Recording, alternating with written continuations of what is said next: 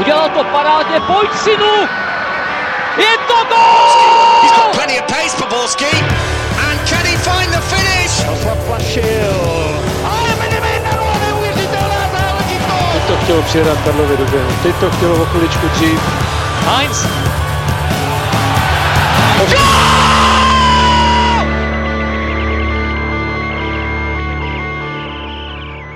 Dobrý den, v České lize se nám tento víkend objevil takový nešvar. Totální šikana a demolice slabších podání silných týmů.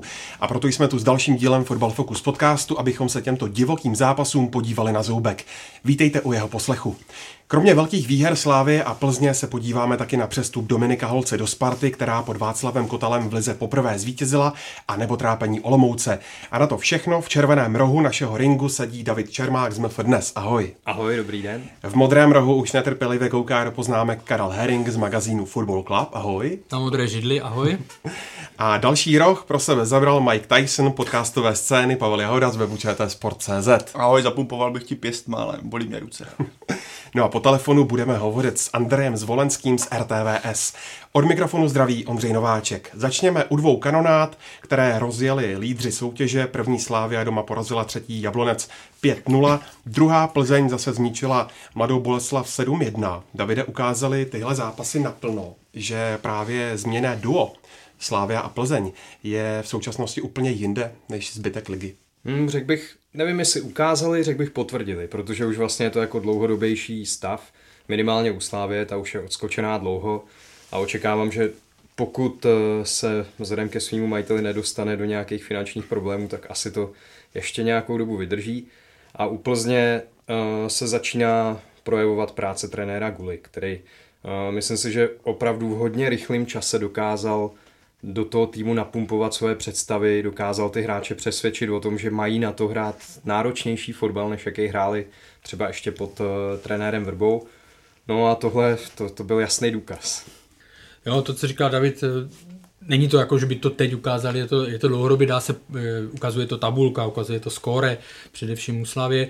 A oba dva ty kluby dokázali využít ten, ten nebo to, že to je teď tak křiklavé, je to, že oba dva ty kluby dokázali uh, využít eh, oslabení ať už eh, Jablonce, byť Slavia taky nebyla v, plném, v plné síle, anebo oslabení sestavy Mladé Boleslavy a prostě rozebrali je, eh, rozebrali je na součástky. Ukazuje se síla obou těch týmů, co se týče kádru. Ty jsi zmínil Karla absence ve Slávii, i Plzeň měla dvě absence na krajích obrany, o kterých jsme posledně mluvili, jak budou citelné nebo nebudou citelné. Ukázalo se, že vlastně nebyly vůbec vidět a dokonce možná ti hráči předvedli paradoxně i lepší výkon, hmm. než třeba kdyby tam byly ty klasické opory, třeba to bylo jejich právě motivací eh, a touhou ukázat se. Každopádně eh, to, co tady už bylo zmíněno, bych ještě doplnil o to, že se naplno ukázala ta širokost, ta síla kádru těch obou týmů, která je prostě úplně někde jinde, než eh, v podstatě zbytek ligy v současnosti. I formou, kdy je vidět, že ty týmy i přes tu dlouhou pauzu si přenesly nějaké ty prvky naučené automatizmy dál. Já třeba musím říct, že jsem čekal, že u Slávě potrvá trošku díl, než začne šlapat na jaře. Už mm-hmm. třeba i vzhledem k tomu, že vlastně nehráli přípravu. Že o to připravil ten, ten jeden nález, kvůli kterému nesměli vlastně hrát zápas eh, s hlavou domluvený.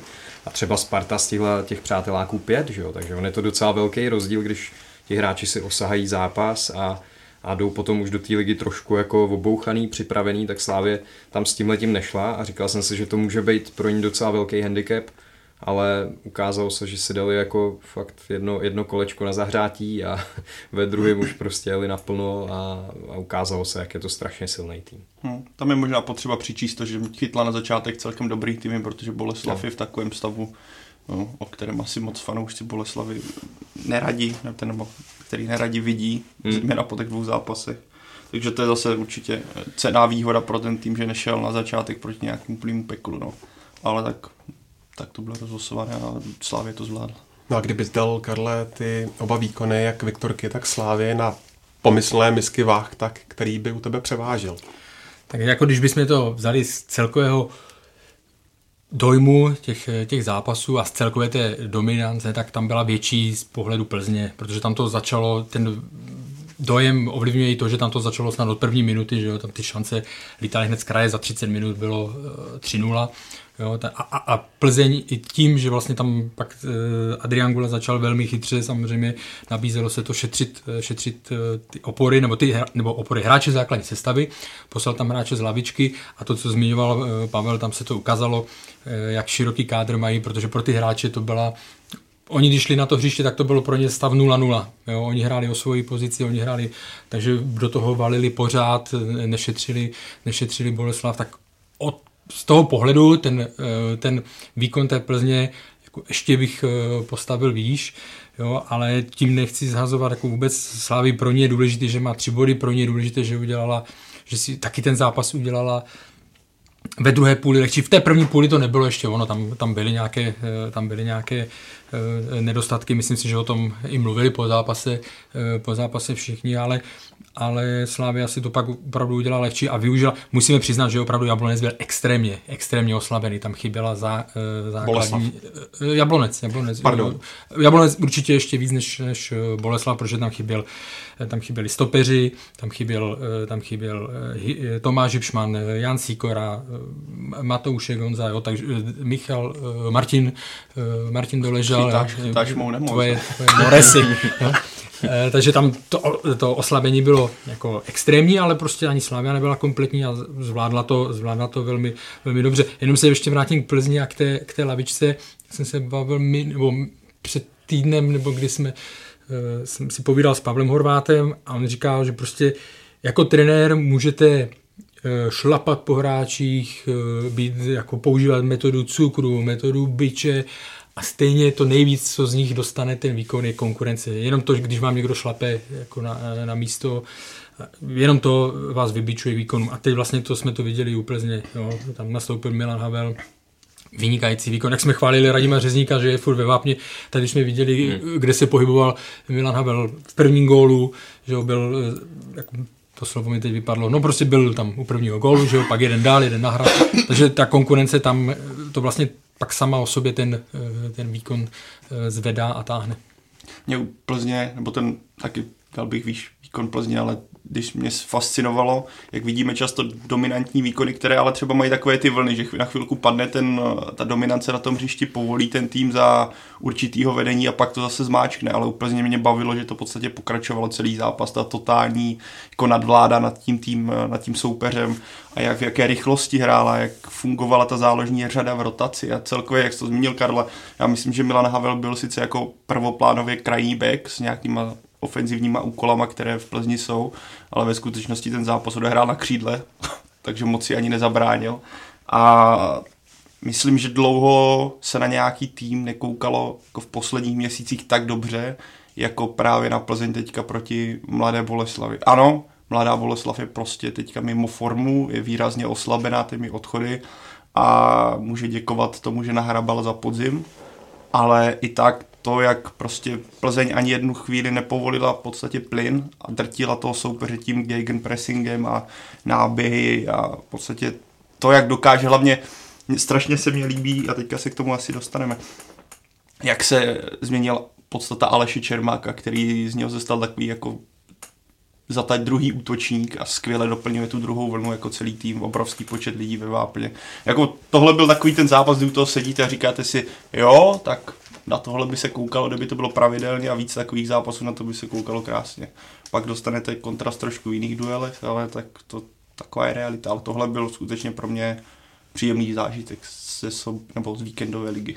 S Alešem Čermákem to bylo, hm, řekněme, nahoru dolů, zranění, pak eh, výborný výkon, pak eh, horší výkon. Každopádně v téhle sezóně už zaznamenal, hm, tuším, v jednom utkání tři asistence. Davide, co pomohlo k tomu jeho probuzení?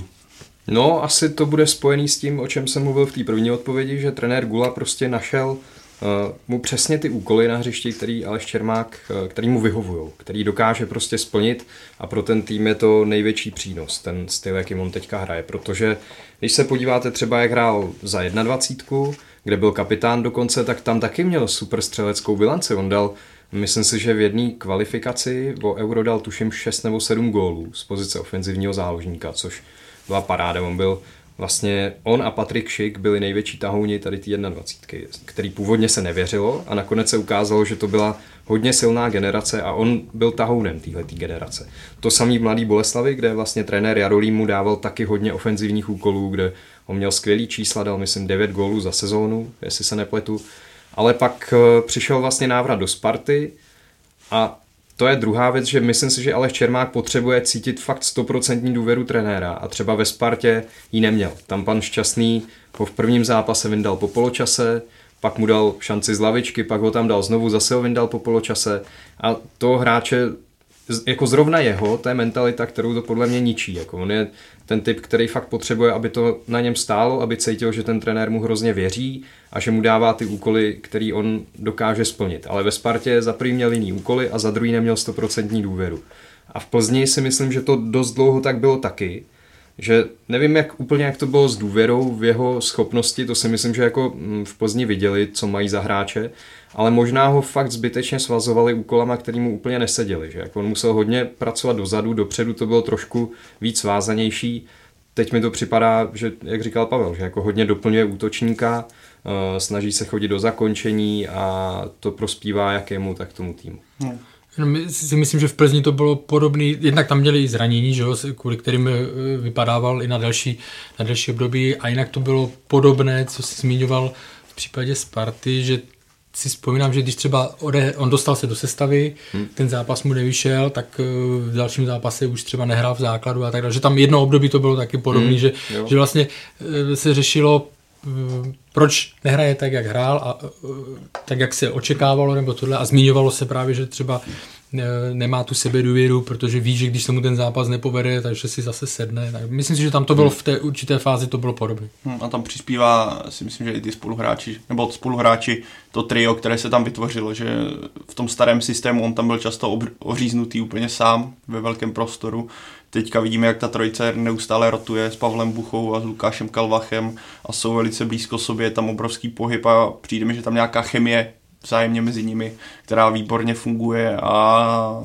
a co zmiňoval hlavně David, ale Čermákovi sedí ten styl, jak se říká, jak zadek na hrnec, si to sedlo v tomhle případě a jeho je radost sledovat. Teď, když sledujeme Aleše Čermáka z doby Pavla Vrby, kdy to byl takový, pořád se mluvilo o tom, Aleš Čermák nepotvrzuje ten potenciál a výkony skutečně nebyly dobré, bylo to takové jako Tam bylo i nemasné, hodně velké snad. takové rozčarování z tého autonehody. Tak. A... Chci říct, že to není jenom, nemyslím si, že by to bylo tehdy jenom tím, že mu Pavel Vrba hmm. jako nevěřil, jo? vždycky je to i o tom hráči a, a v té době prostě asi na to nebyl uh, tak připravený, hmm. nes, neseděl mu to, takže to není jenom o, o tom, jestli trenér ho použije hlouběji nebo výš. No. Ale ono to bylo, že dlouhodobě, hmm. když to vezmeš celý ten průřez Aleši Čermáka v Plzni, tak jestli bys tam vypíchl hmm. dva, tři zápasy, které by ti řekli, jo, tak tohle byl Aleš Čermák, kterého jsem čekal, ale od té doby, co tam je Andrian Gula, tak Aleš Čermák obrovsky ožil a jeho je jako super sledovat. No.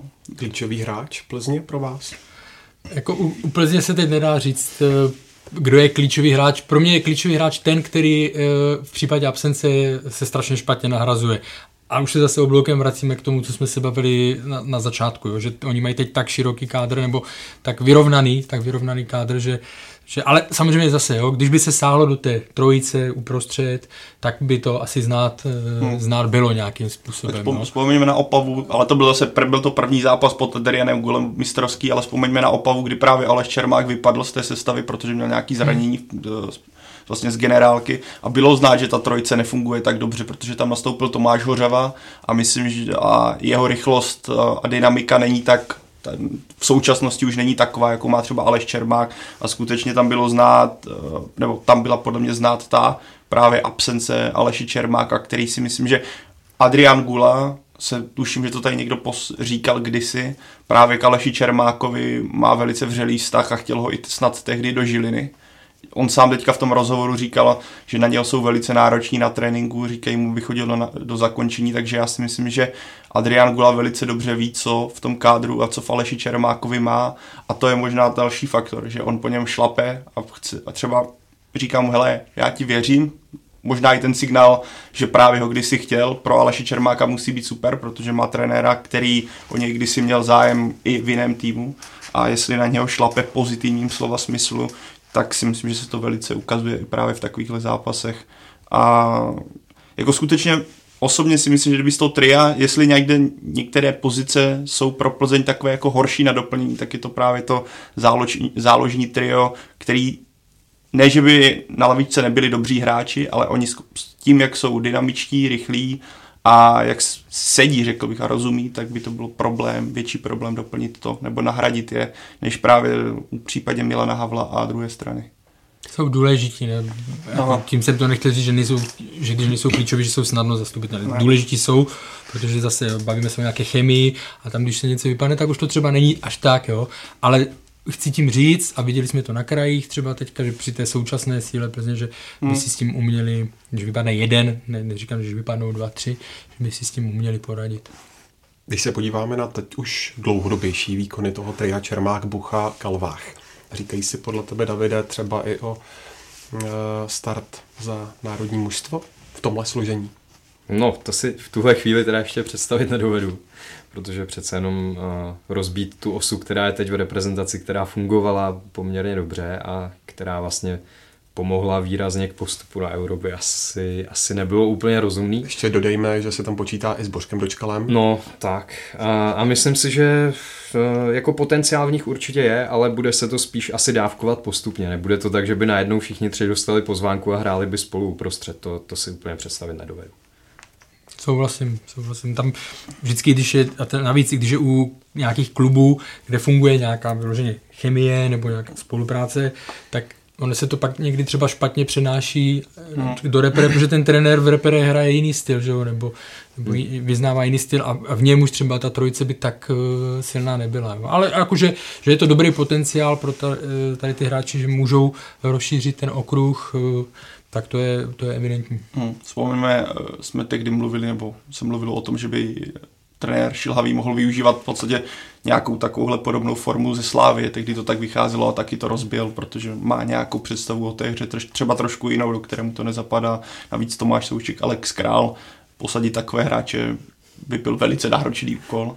Ale za, za druhou stranu je skvělé vidět právě Lukáš Kalvacha už jako v podstatě beru jako reprezentanta automaticky teďka v současnosti jistou formou, ale Aleš Čermák, Pavel Bucha je skvělé vlastně sledovat, že ten střed hřiště najednou je, je v reprezentaci jistý přetlak, že najednou má trenér kde brát a není to, nejsou to takové ty nouzová řešení, které bývaly dřív, kdy najednou se tam objevil Lukáš Dropa, o kterém nikdo nikdy neslyšel, skoro v uvozovkách a podobné případy, takže v tomhle je to skvělá věc a konečně i už to není jenom o tom, že si řekneme, jo, reprezentace je přetlak na krajních becích, ale na jiných pozicích je problém. Ještě musíme u nich počkat uh, tak. na mezinárodní tak, no. jo, konfrontaci, protože vlastně na podzim nebyla, jo, takže nevíme, jak bude Pavel Bucha, eh, Lukáš Kalvach, až budou, pokud se to podaří a budou hmm. hrát třeba na podzim základní skupinu nějakých, nějakých pohárů, tak eh, tam se to ukáže, jak jsou připraveni na, na, na opravdu velký fotbal. Ještě když se vrátíme do té obrané řady, Davide, tak jak podle tebe jako alternativa obstál Jan Kovařík? Obstál dobře. Otázka samozřejmě je, jestli je to řešení pro všechny zápasy, protože jemu už přece jenom trošku schází rychlost, nebo ne už, ale jemu jako dlouhodobě schází rychlost, to není úplně jeho silná stránka, takže si nemyslím, že by eh, to pro Plzeň mělo být jako nějaký trvalý řešení.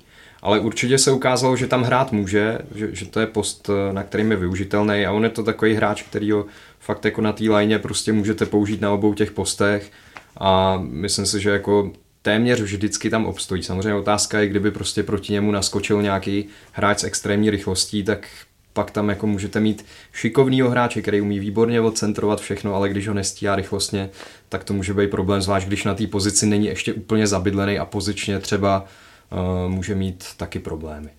Téma Boleslav. Mladá Boleslav je po odchodu Murise Mešanoviče, Nikolaj Komličenka, Pavla Buchy.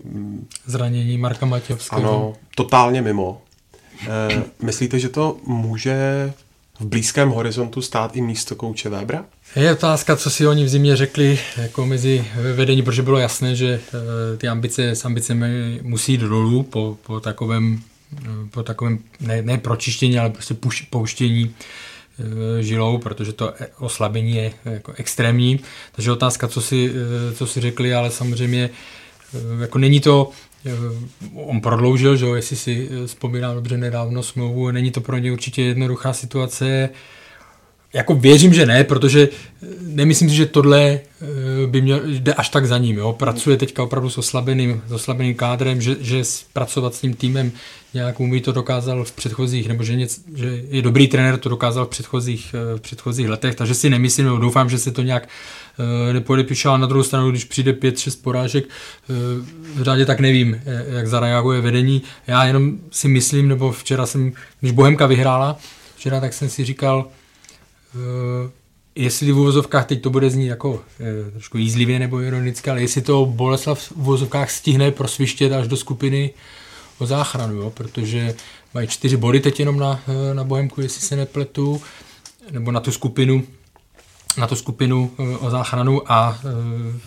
už zbývají sice jenom čtyři kola, ale budou to mít hodně těžké. Na druhou stranu, oni už nebudou mít až tak uh, těžké soupeře, dostat na první dvě kola hmm. Slávy a, a Plzeň není samozřejmě, uh, není samozřejmě jako úplně uh, hit paráda, uh, takže se možná nějakým způsobem zastaví, ale je tam ten propad, je teďka obrovský. No. Hmm.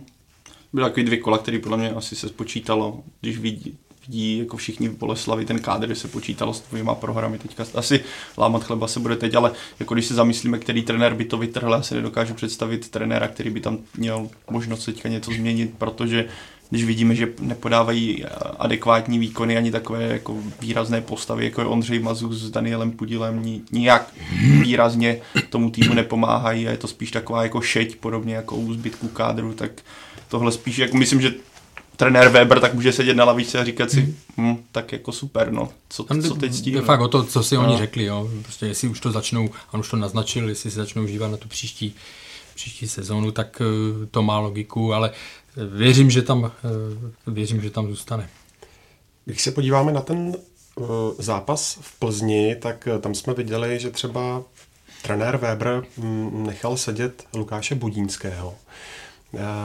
Dá se předpokládat, Karle, že týmy proti silným soupeřům budou raději nasazovat Bčka. Eh, v návaznosti na to, že pak čekají hmm. důležitější zápasy, teď třeba Boleslav bude hrát se Zlínem, což pro ně prostě je zápas, kde by měla doma z větší, budovat. Ano, z větší naději na úspěch. Já ne, nemyslím si, že budou nasazovat Bčka, ale myslím si, že nám jako vstoupí opravdu eh, do toho závěru té ligy, že nám vstoupí tady ten faktor, kdy ten trenér bude dávat tu sestavu jako do souvislosti nejenom na ten konkrétní zápas, ale i to, co je čeká ve středu. Jo? Vůbec tím nemyslím, jsem to včera dával na tweet, aby to někdo nepochopil, vůbec tím nemyslím, že někdo bude nějaké zápasy vypouštět. Jo? Ale ten trenér, naopak je to logické, že prostě když má Lukáše Budinského, který má karetní ohrožení, tak si ho prostě zváží, jestli dát ho do zápasu z Plzní, kde ta naděje je malá, anebo si si ho pošetří prostě pro zápas eh, se Zlínem. Pavel Zavadil ve svém věku víme, že uh, on to sám přiznal, že dvakrát týdně zápasy neodhraje. Takže ho Opava nevezme sebou do Teplic, protože ho chce mít připravený na, na domácí zápas. Jo? Takže tam budou karetní hrozby. Uh, myslím si, aspoň z informací, které jsem měl, takže, že Martin Doležal už tak nějak by mohl být připravený na ten zápas, který byl se Sláví, ale že ho prostě ještě pro jistotu pošetřili, aby byl fit na, eh, na Liberec. Jo. Uvidíme, jestli to, tak, eh, jestli to tak bude. Takže jako ty trenéři v tomto směru opravdu se budou rozhodovat jinak, než se, než se rozhodovali při normálním systému jednou, eh, když se hraje jednou za týden. Eh, nebo že eh, prostě, kdyby to byl zápas eh, tři kola před koncem, tak by třeba ten, a hrálo se fakt jednou týdně, tak by třeba ten doležal aspoň na nějakou část hry tam šel, takhle ho opravdu šetří pro, pro ty zápasy. Takže myslím si, že takhle. Myslím si, že se to bude dít, myslím si, že to může být téma, o kterém se bude hodně mluvit i v souvislosti, navíc Josef Weber to přiznal, že prostě možná už budou hrát, do, už jsou prakticky zachránění, takže budou dohrávat sezonu z mladíky, který na to budou mít, eh, který eh, budou mít šanci se ukázat, budou mít větší hlad než některé prostě eh, opory a může tam dojít k situaci, která třeba vzbudila velké, velkou nevoli v extralize hokejové, že? když Karlovy Vary přijeli do Vítkovic s výrazně oslabeným, oslabeným týmem. tak si jenom myslím, že by se jako Znovu říkám, já nikomu nic nepodsouvám, ale myslím si, že to bude téma, že by se o tom mělo mluvit a v podstatě i dopředu třeba říct, jakým způsobem se k tomu postaví vedení, vedení soutěže. Jo. V Anglii už se to teďka rozebíralo, přesně a napsalo se, že se asi velmi pravděpodobně nijak nebude postihovat to, že třeba tým do zápasu eh, dám příklad eh, Ben, eh, kdo se zachraňuje, já nevím, Aston Villa bude hrát s Manchesterem City a za tři dny bude hrát s Watfordem, tak prostě, že nasadí proti Manchester City, nasadí slabší jedenáctku. Jo před deseti lety nebo před kolika Mick McCarthy to udělal, myslím, že tedy trénoval Ipswich nebo, nebo Wolverhampton, dostal za to pokutu. Jo. Teď už se to na, na to vnímá nebo nahlíží trošku jinak, ale znovu říkám, myslím si, že to téma bude a je dobré, aby jsme se třeba o tom bavili i dopředu, jo, aby se tam vyjasnilo, jaké jsou pravidla, nebo pravidla, jaké jsou mantinely, jak na to budeme nahlížet. No. Jako, tam je třeba vidět, že teď opravdu jsme jako v extrémní situaci, hmm. která tady nikdy nebyla hmm. a třeba to riziko zranění je teď opravdu jako mnohonásobně vyšší, jednak z toho pohledu, že se dva a půl měsíce nehrálo a ty hráči neměli to zatížení, takže teď to, to už samo o sobě sebou jako nese velký riziko, že se můžou zranit a zároveň mají taky eh, výrazně omezenou tu regeneraci, že jo? nesmějí třeba tam do výřivky, nesmějí do sauny na stadionu, no jako tohle všechno jsou věci, na hmm. které to tělo to profi fotbalisty je zvyklý a když najednou to nemá, tak to může být obrovský problém a zásah do toho, do toho těla a do celé té přípravy. Takže jako tohle všechno je třeba vnímat a z toho pohledu jako těm trenérům porozumět, že k takovýmhle krokům sahají. Já znovu opakuju, nikdy, nikdy jsem neřekl nebo nenapsal, že by to bylo jako, že by vypouštěli něco. Jo? Naopak já to vnímám z jejich pohledu jako logický krok, že si musí dopředu přemýšlet, koho vlastně postavím, koho pošetřím, koho postavím do toho dalšího zápasu.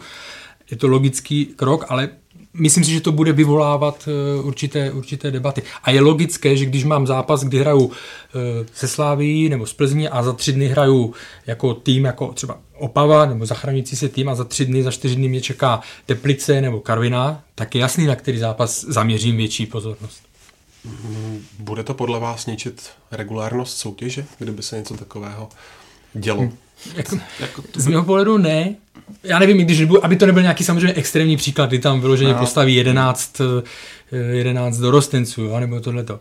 Ale jako je to rozhodnutí toho trenéra, že jo. On musí, on se musí ten tým zachránit a on musí vědět, jestli se mu to vyplatí, že jeden zápas, ne že obětuje, ale že sníží, řekněme, tou sestavou šance na úspěch a, a post, položí větší důraz na zápas, který je pro něj z pohledu tabulky důležitější. Jo, samozřejmě nesmí, neměl by tam vzniknout nějaký úplný extrém. Jo. Tak ono, ono to je taky, zbývají dokonce pořád už řekněme v úzovkách no, jen čtyři, čtyři kola, kola, vezmeme eh, ty Pak silný týmy, hraje no. Slávě z Plzní, brzy hrají spolu o víkendu, Plzeň má v teďka v týdnu baník, takže takových ten, těch x možností skutečně uh, souboje slabší nebo výrazně slabý tým versus tady tahle špička už jich podle mě není tolik. A teďka si úplně nepamatuju teďka ten zbytek, co má Slávě Plzeň. Tudíž uh, já si nemyslím, že, to bude, že se to zvrhne v nějaký extrém, hmm. který, by, který by mě právě přišel uh, možná právě v, v rámci té regulérnosti, o které ty mluvíš, kdyby tam skutečně někdo nastavil, nastavil nebo poslal celé B, tak se můžeme bavit o tom, jestli to je vůbec fair přístup. Ale uh, zase je tady ta druhá stránka mince, o které jsi přesně mluvil, Karle. Ten trenér hraje o to, aby prodloužil své angažmá, aby nebyl vyhozený. A teďka, jako když budete, postavíte proti Plzni plný tým, a prohrajete a následně se to projeví na tom zápase, který nutně potřebujete vyhrát, tak je jako sice krásné, že jste zachovali nějakou regulérnost v vozovkách, nebo zachovali jste se tak, jak si přeje většina asi fanoušků fotbalu obecně, ale potom vlastně na to můžete doplatit sám jakožto tým a jakožto vy, jakož, jakožto zaměstnanec toho týmu nebo uh, zaměstnanec toho klubu, který chce dál pracovat. Tudíž pro mě je to to, že trenér se rozhodne šetřit hráče, naprosto v téhle situaci, přesně extrémní situaci, pochopitelné. Kdyby to bylo co týden jeden zápas a někdo by tam poslal výrazně slabší tým, už ta diskuze bude asi o něčem jiném.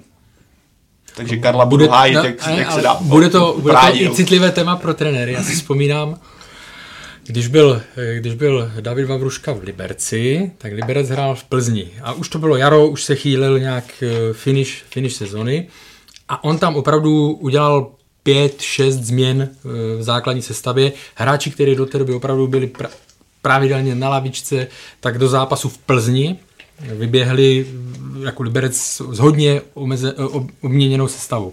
No a když jsem se na to ptal po zápase, tak eh, on zareagoval velmi jako mě vyjezdil, nebo, nebo vyjezdil, to by bylo, já jsem mu na to argumentoval něco, ale jako reagoval velmi podrážděně, velmi podrážděně, jako to chcete říct, že ty hráči že ty hráči na to nemají, nebo že co, tak jim to běžte říct, ti, co trénují tý, eh, celý týden, jezdí držkovou po trávě a ty dostanou šanci a vy to snižujete. Já jsem jenom řekl, že se ptám na to, že když celý podzim, celé jaro nastupuje určitá jedenáctka a najednou je moc změn, jo, tak jestli to prostě nebere, eh, jako, proč se takhle rozhodl zrovna do zápasu s Plzní, jo? takže i to bude, i to bude možná zajímavé.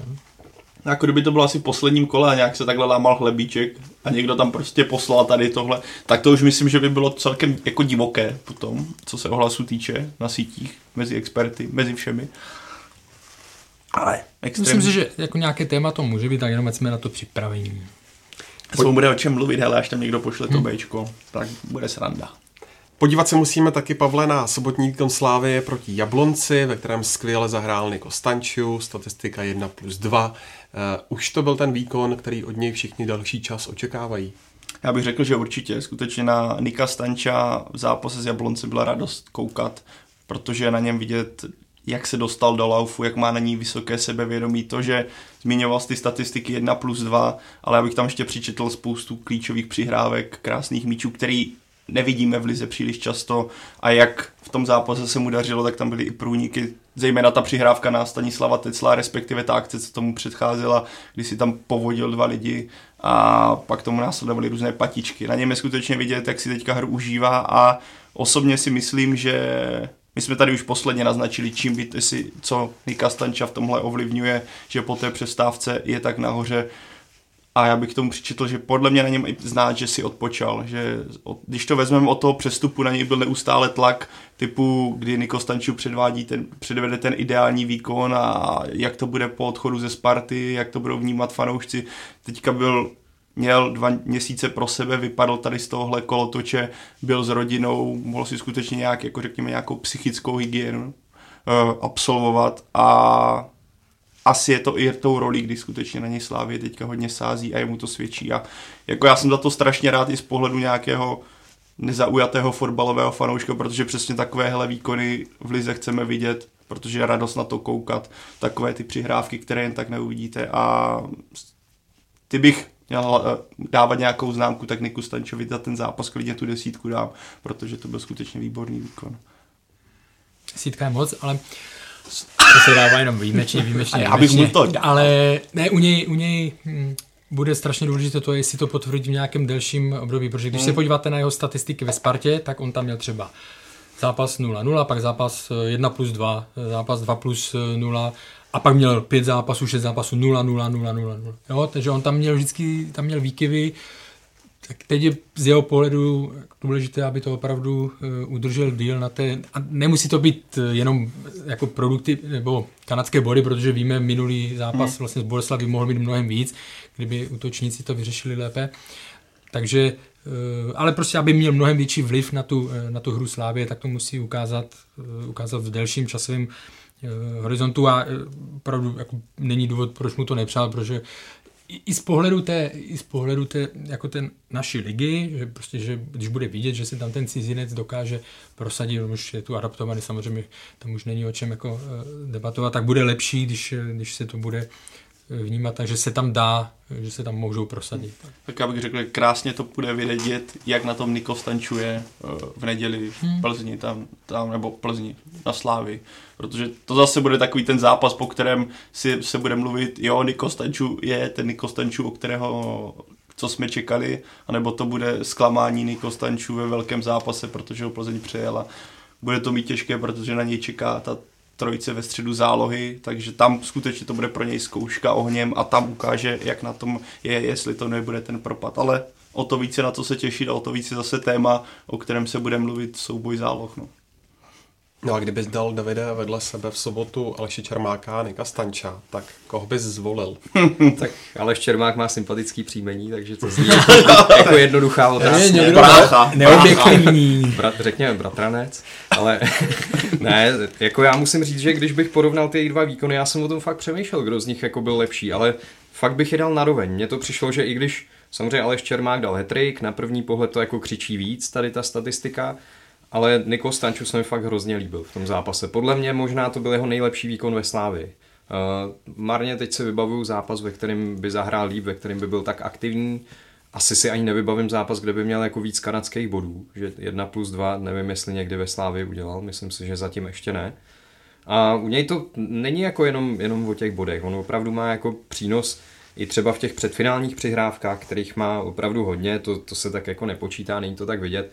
Na druhou stranu mně se úplně nelíbilo, že ho tím jako omlouvali dlouho, že pořád říkali, no jo, on jako ty čísla nemá, ale on, on je výborný i jinak, on nám hrozně pomáhá v té hře, ale byla prostě pravda, že on se do zakončení dostával, že těch střel měl docela dost a ne, nepadlo mu to tam. Prostě nebylo to jako ve Spartě, kde si stoupnul přímáku, dal gol z přímáku, vystřelil z dálky, byl to krásný gol z dálky.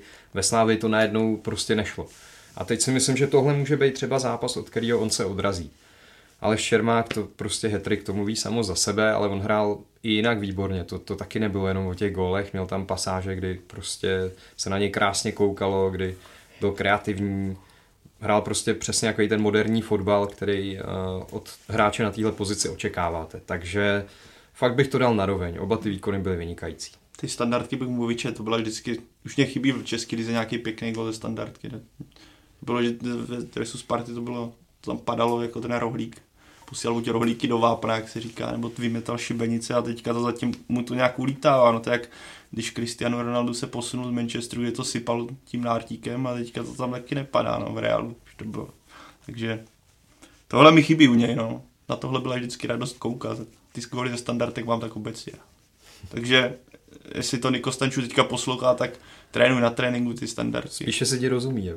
A On třeba, to určitě, určitě třeba to poslouchá teďka s učitelkou češtiny a říká si Niko, tak teďka co, co ti tam říkali? Standardky, tak, tak, takže doufám. Ondřej Kolář vychytal uh, už 18. nulu sezóny. Nazval bys ho, Karle, nejlepším golmanem české ligové historie novodobé? No, jak myslíš novodobé, jestli dekádu nějakou, nebo, nebo v historii české samostatné? Ano. Uh, tam samozřejmě nemůžu počítat uh, Petra Čecha, který tu byl krátce v tom, uh, který v tom, v tom, ale pořád nesmíme zapomínat na golmany, jako je Jaromír Blažek, nebo tohle být třeba je to jiný typ, jo, ale bavíme se o nějakém dlouhodobém uh, Petr Kouba.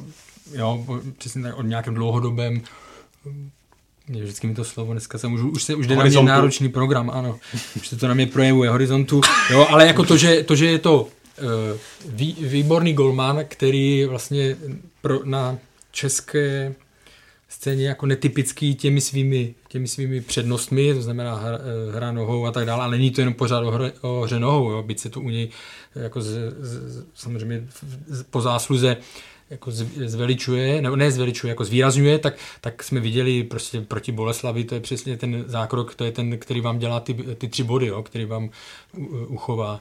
Jo, takže jako je to, je to výborný, je to výborný golman.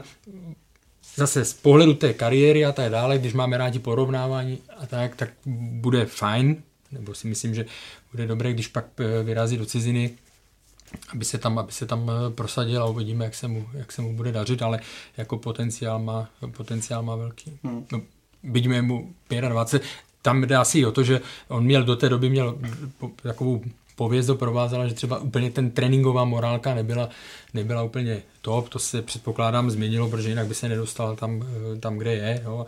ale tak, taková ta komplexnost eh, je u něj je na vysoké úrovni. No já myslím, že už jak Karel mluvil o tom přestupu, že už má nejvyšší čas, mm, že už by to měl mm, udělat, protože když už zase zůstane rok, dva v České lize, tak on tady bude vynikat, bude to super, všichni ho budou chválit. A třeba se i jako uspokojí, že si řekne, tak já jsem tady král, tady se mi daří, jsem tady dobře placený, ze Sláví třeba budu pravidelně vyhrávat tituly, třeba i hrát občas ligu mistrů. A může ho to uspokojit, takže on by potřeboval nějaký motor, vyskočit z té komfortní zóny a prostě oskoušet si to zas někde jinde, protože myslím si, že na to určitě má, že na je to brankář, stranu, který 100% má na to, aby chytal v zahraničí. Měl nabídku z NIS a, a odmítl jí.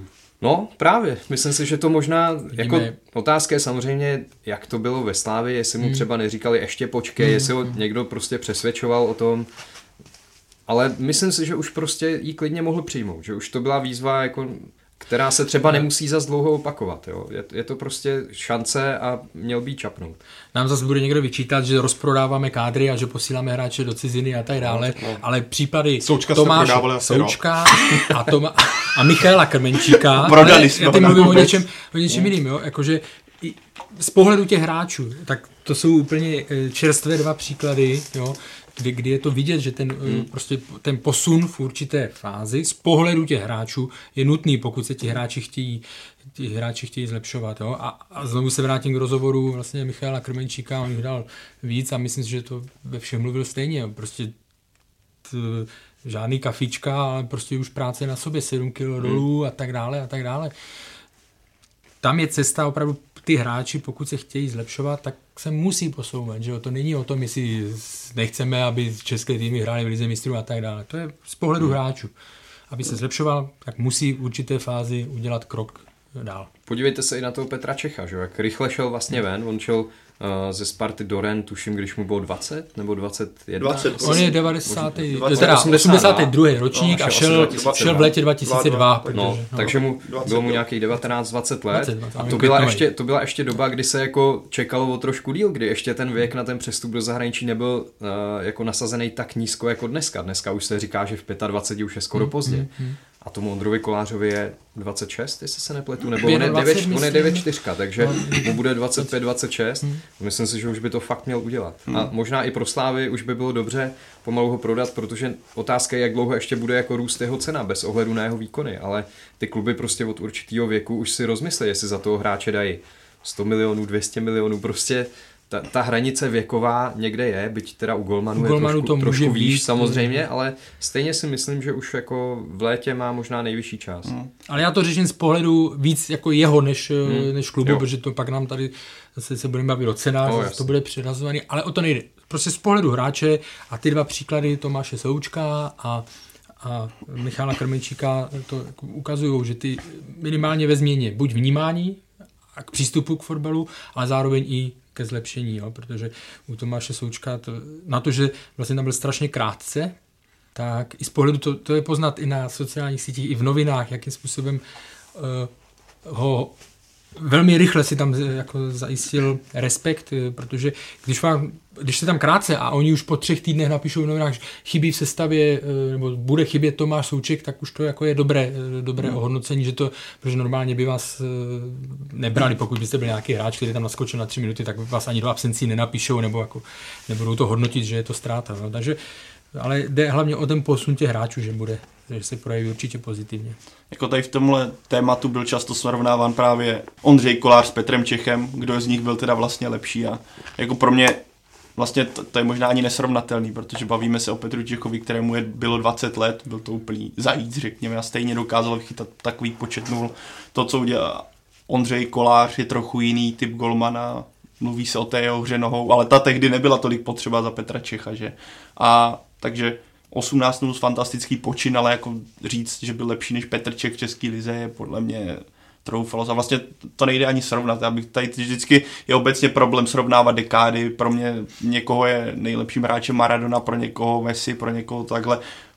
Ten hráč by se třeba v té další dekádě neprosadil, ale tak to už to si můžeme říct u každého fotbalisty. Ale k tomu, co se ještě zmínil ty, jako, nebo David, pro mě je taky potřeba, aby Ondřej Kolář teďka v létě odešel, protože to, co takhle, ve Slavě on udělal fantastický progres, když se podíváme na to mhm. putování mm. a jak pracoval s trenérem Kolářem, je to Kolář. Mm-hmm, jo? Štěpán Kolář. Tak, tak je to fantastické sledovat, jaký on progres za tu dobu udělal a jaké věci on dokázal od Golmana, o kterém se na začátku pochybovalo, i mezi fanoušky byl často kritizován po brankářek, na kterého nedá nikdo dopustit, ale jak zmínil David, eh, co on ještě tam může dokázat ve Slávii. Titul získá pravděpodobně další. Je tady otázka ligy mistrů. Jsem zvědavý, jak, jak vlastně, vlastně evropské poháry budou vůbec vypadat na podzim, protože to zatím nikdo neví. Takže možná vlastně vůbec nebudou a držet tam Ondřej Koláře bez, bez nich. Jako pro mě přišel, už, jako já jsem čekal, že odejde v zimě do toho NIS, protože ta nabídka, o které jsem mluvil, byla fakt fantastická na Golmana z České ligy, na Golmana, kterému už je 25 let. Ale OK, zůstal, ale myslím, že i, že pro, jak jsem měl Karel, to je přesně ta věta, pro něj by byl ideální čas, pro Slávy by to byla výrazná ztráta, protože jednou z klíčových postav. Tak, teď jsem chtěl říct, ty se stal na klíčové v Plzni, tak třeba Kolář je pro mě klíčový hráč hmm. pro Slávy, protože den, když vypadne hmm. ze sestavy, tak tam Aha, prostě no tak. při vší úctě k mají na něm založenou celou tak, rozehrávku. tak, přesně tak, tak to je, tam by byla Výstavbu. prostě zela díra. Jo. No. A tady zase ten problém, o kterém se musíme bavit a o kterém co často zmiňujeme, Slavie je klub v nějakém potravním řetězci, není na vrcholu a nikdy nebude na vrcholu, pokud nepřijde nějaký šejk a ne, nevím, nevím, co neudělá s Českou ligou. Ale- Takže tohle v nějaké o z, jako zdravým způsobu fungování klubu v podstatě přesně to, co zmínil David, je potřeba prodat hráče v tu ideální dobu, jak se to podařilo s Tomášem Součkem. Ano, my jsme ho prodávali možná brzo, jako v, z pohledu teďka po bitvě, v pořádku, ale Ondřej Kolář už se dostal asi do té doby podobné, co Tomáš Souček, kdy odešel za ty obrovské peníze. Takže a kdo tam zůstává za ním, je asi vždycky ty jména. Markovič. No, A přemysl... A- uh, no, tak no.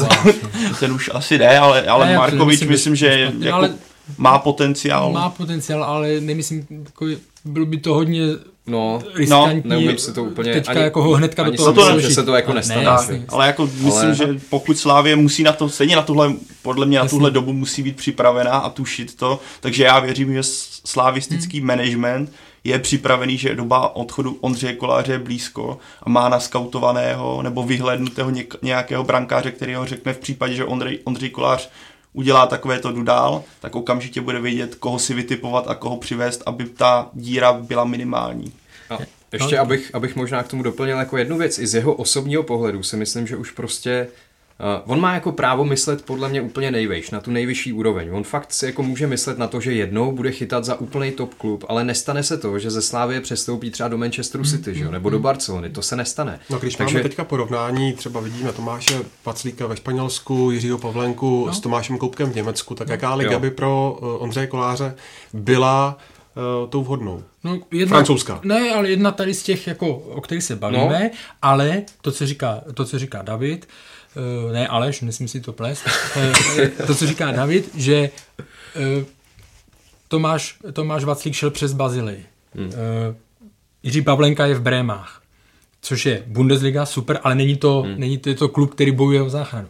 Ale ten za dva roky, nebo za tři roky si ten hráč prostě, když podával takový výkony, tak si udělal tam obrovský jméno v Bundeslize. Jo?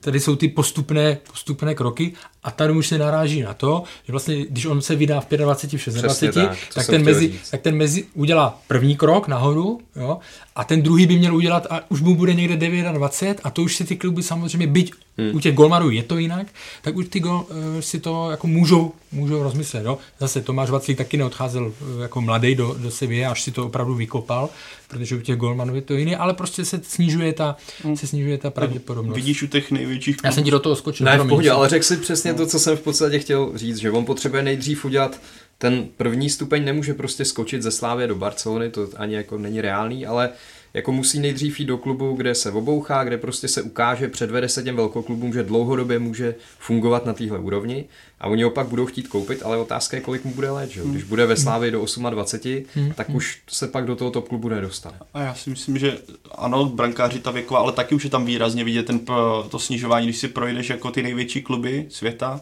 který a jejich jedničky, kde je kupovali, tak ten věk je hodně nízko, ať už je to, že jo, Jasně. hmm. ty jo, chtěl jsem říct Decha, Decha no, ale to- do Manchesteru... Ne, ne, To to, ne, jo, to jasně, jasně, ale už je dlouho, že jo, je tam Kepa, dlouho. Kepa přišel ti do Barcelony, přišel Ter Stegen, že jo, taky v době, kdy byl mladý, to stejný z Kurtoa se koupili z Chelsea, kterému je teďka taky podle mě podobně jak eh, Jasně. Kolářovi, takže jako fakt ta věková hranice těch brankářů už je taky úplně někde jinde a dá se to, to se, je to v podstatě o rychlosti reflexů, který ať chceme nebo ne, tak s rychlostí fotbalu ten brankář třeba, co, se, co, co jsme Van der Sar ve své době, je otázka, jak by se prosadil teďka v tom věku, kdy on dokázal být pořád jedním z nejlepších brankářů světa, protože ten fotbal už za tu dobu se zase posunul rychlostně někam jinam.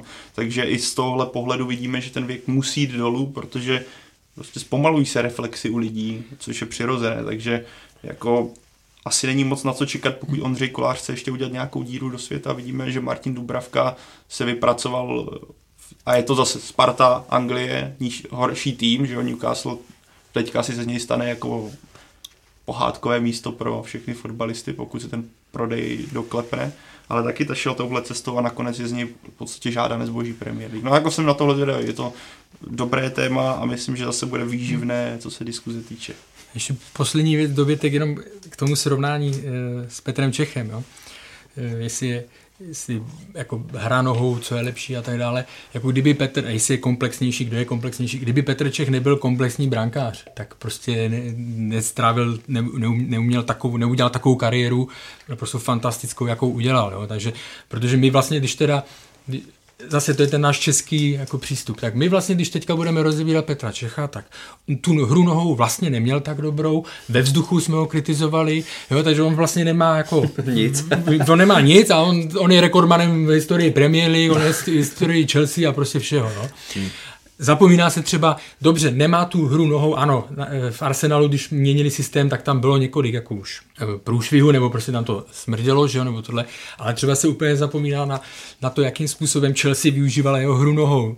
E, jestli si dobře vzpomínám, tak v zápase s Barcelonou, jestli to bylo to semifinále, oni hráli vždycky semifinále, tenkrát prostě Chelsea udělala Chelsea udělala strategii takovou, že největší počet přihrávek mezi dvěma hráči v rámci Chelsea bylo od Petra Čecha na Didiera Drogbu nahoru, aby překonali vlastně že jo, pressing Barcelony a tak dále. A byla tam vysoká úspěšnost toho, co on tam prostě dokázal posílat na, na 50, eh, na 40 metrů. Jo. Takže eh, jako fakt opatrně tady v tom, protože nezapomínejme na to, že ten eh, jako Petr Čech to, co dokázal, není proto, že by měl tři z šesti, eh, tři z šesti golmanských vlastností jako v topu a zbytek byl průměr, ale prostě protože eh, byl téměř v topu ve všem. Tak já bych řekl, že Petrček byl jednou dobu nejlepším brakářem světa, takže Aha, asi tak tohle to... jako odpovídá na všechno, co se týče eh, tady téhle polemiky. Koncem týdne nás čeká velké měření sil v podobě utkání Slávy a Plzeň. Když se podíváme na aktuální formy obou celků, kdo je pro vás větším favoritem? Ten zápas nemá favorita. jo. A jestli mám jako, jako podle čistě úplně podle formy, podle tak formy jsme zmínil Ochlu Plzeň. Plzeň. No. Plzeň. Vidíme prostě, že ona je teďka v laufu. Ale hraje se. Ale hraje, hraje se na Slávě, je to Slávě. velký zápas a vidíme, jak velké zápasy, a nemusí to být jenom Česká liga, ale obecně, jak velké zápasy dokáží být vlastně rozdílné od, od proti tomu, co těch týmu čeká. Vidíme, protože hrají proti slabšímu týmu. Ale hraje se bez diváků. Hraje se bez diváků. Ale, ale pro Slávy bude strašně no. důležité i to, jak se, jestli se jí dají dohromady hráči, jako je Petr Ševčík, a to, jo, protože ve chvíli, kdyby třeba on nemohl hrát, tak eh, a tím pádem by tam muselo dojít k těm posunům, tak jako, jako docházelo teď, tak si myslím, že tým úrovně Plzně současné, mm. že by už mm. jim dokázal nadělat problémy. Hlavně já tam jako vidím ten faktor, že když Slávě vyhraje, tak je liga v podstatě rozhodnutá. Mm. Ta, takže jako z tohohle pohledu Slávě má velkou výhodu, protože Plzeň do toho jde fakt s tím, že jako potřebuje uspět nutně v tom zápase. Oni potřebují minimálně bodovat, jako aspoň uhrát remízu, aby nějak eh, udrželi ještě se v boji o titul, kde už s nima původně ani nikdo nepočítal, ale vrátili se tam. A když by Slávy porazili, tak věřím, že ji ještě můžou určitě hodně potrápit ve zbytku ligy. Ale jak prohrajou, tak si myslím, že, že je rozhodnuto o titul. Já z nich ale třeba nemám pocit, že by uh, si pak v nějak tu neděli připouštěli nějaký tlak, že to je, hmm. je to tak, jak to říkáš, 11 bodů je, hmm. je prakticky hotovo. Na mě oni dělají dojem, že si teď dělou svoje, prostě vůbec se nedívají doleva, doprava, protože oni jako po podzimu si přiznejme, tam už nikdo z titulem nepočítal, teď tu šanci malinkou, se, malinká se jim otevřela jo, a, a, a jdou, jdou si za ní, ale mám pocit, že nemyslím si, že by je to v neděli nějakým způsobem mělo, mělo že, by, že to na nich výkonu bude, že je to svážně. Jako oni si podle mě teď dělou svoje a Hmm. Možná by to na ně dolehlo, až kdyby se opravdu teprve přiblížili na, hmm. na dostřel. Jako tam bude krásný sledovat. Já se na ten zápas teda v současnosti hmm. strašně těším, hmm. protože uh, mluvíme tady dlouhodobě o nějakých velkých zápasech, ale nyní je to, jak zmínil David, je to duel, který může přiblížit Plzeň boji do titulu, naopak může rozhodnout. Vidíme teďka dva týmy, které jsou, řekl bych, ve velice solidní formě, zejména pak Plzeň. A já se těším na boj, co už jsem zmínil, ten boj o střed hřiště, kde narazí ta trojice, která je strašně vyzdvihovaná proti Nikovi Stančovi. A tam je ten, jako co zmínil Scarlety, kde jsou ty faktory, kdo, kdo se vrátí do Slávie, jako myšleno zdravotně do, té, do té sestavy, do toho tria, jak to Jindřich Trpišovský postaví, jestli třeba tam dá Laca Takáče, který by měl pomoct Bogelem, nebo to postaví spíše dynamicky, aby uh, pomáhali v tom triu. Bude, jako tohle bude strašně zajímavé sledovat a jako, ať vyhraje lepší, jak si říká, ale jako na ten zápas se fakt těším, doufám, hmm. že se to nezmění v klasickou bitvu plnou faulu, ale jako stři- hlavně se střetnou poprvé dva trenéři, které podle mě nejlepší trenéři ligy, vlastně poprvé na sebe narazí v takhle v té přímé konfrontaci a i z taktického hlediska jsem zvědavý, co na sebe jako nachystají. To jako takový zápas už tady podle mě dlouho nebyl takhle atraktivní v tomhle směru.